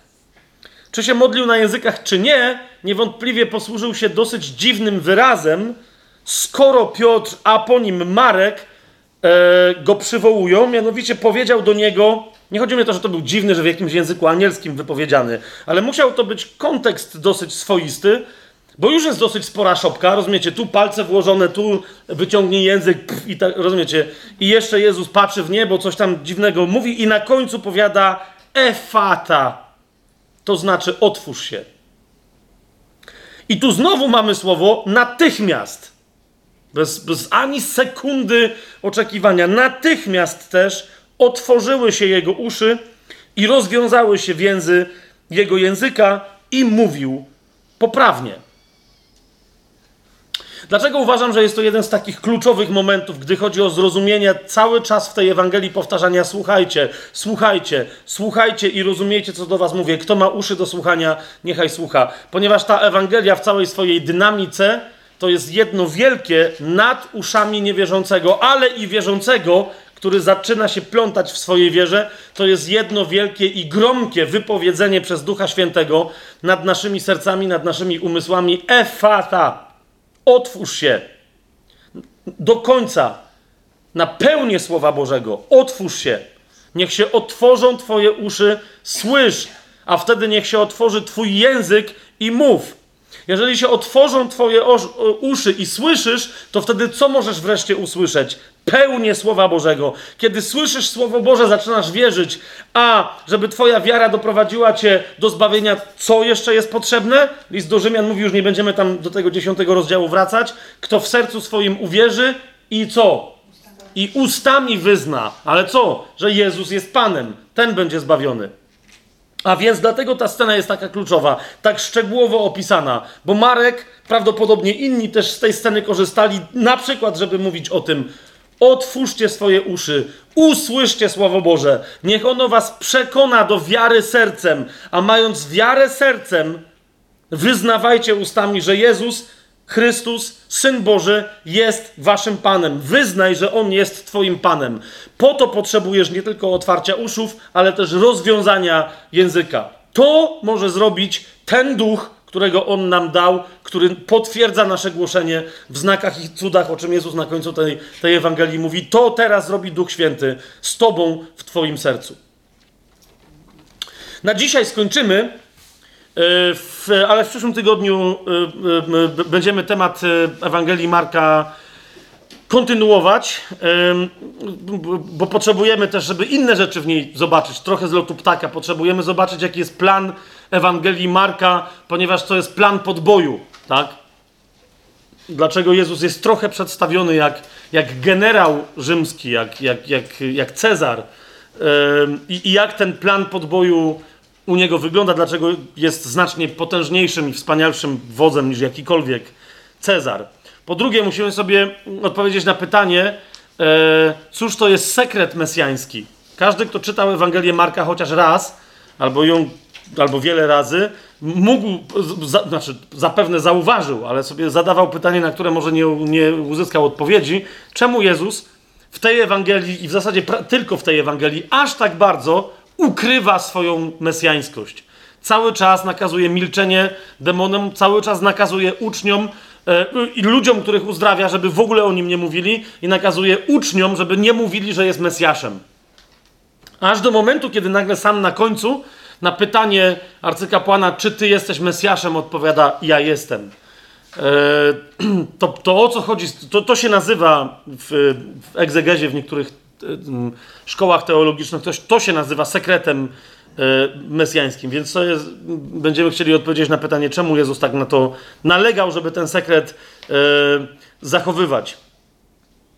Po trzecie, bardzo jest istotne, żebyśmy zobaczyli, że chociaż Jezus na początku tej Ewangelii jest nazwany Synem Bożym i na końcu tej Ewangelii jest wyznany Synem Bożym, to cały czas sam o sobie, między innymi w związku z tym sekretem mesjańskim, nie mówi, że jest Synem Bożym, ale sam siebie cały czas nazywa Synem Człowieczym. O co to chodzi? Jaki to ma związek z tym, kogo zapowiadał Izajasz, którego dzisiaj powszechnie nazywamy pokornym i cierpiącym sługą Jahwe? A więc będziemy chcieli zobaczyć, jak e, zapowiedź, zwłaszcza pochodząca z czterech pieśni cierpiącego sługi Jahwe, które się znajdują poukrywane, no chyba, że ktoś wie, gdzie one są, to już nie są poukrywane, ale oryginalnie poukrywane e, w proroctwie Izajasza, w jaki sposób Jezus objawia samego siebie jako pokornego sługę Jahwe który choć jest ostatecznie zwycięski, to to zwycięstwo ma dosyć dziwną strategię i przychodzi przez kogoś niezwykle pokornego, służącego innym yy, i yy, cierpiącego. I jeżeli nam starczy czasu, no to wtedy możemy yy, jeszcze paroma smaczkami z Ewangelii Marka się zająć. Na przykład właśnie o co to chodzi z tym przeklęciem drzewa, jeszcze z, z paroma innymi fragmentami, ale jeszcze raz powtarzam, jak, jak nam starczy czasu. A na dzisiaj to jest tyle, ponieważ jest kino akcji, to żadnego więcej komentarza. Dziękuję bardzo. Do boju!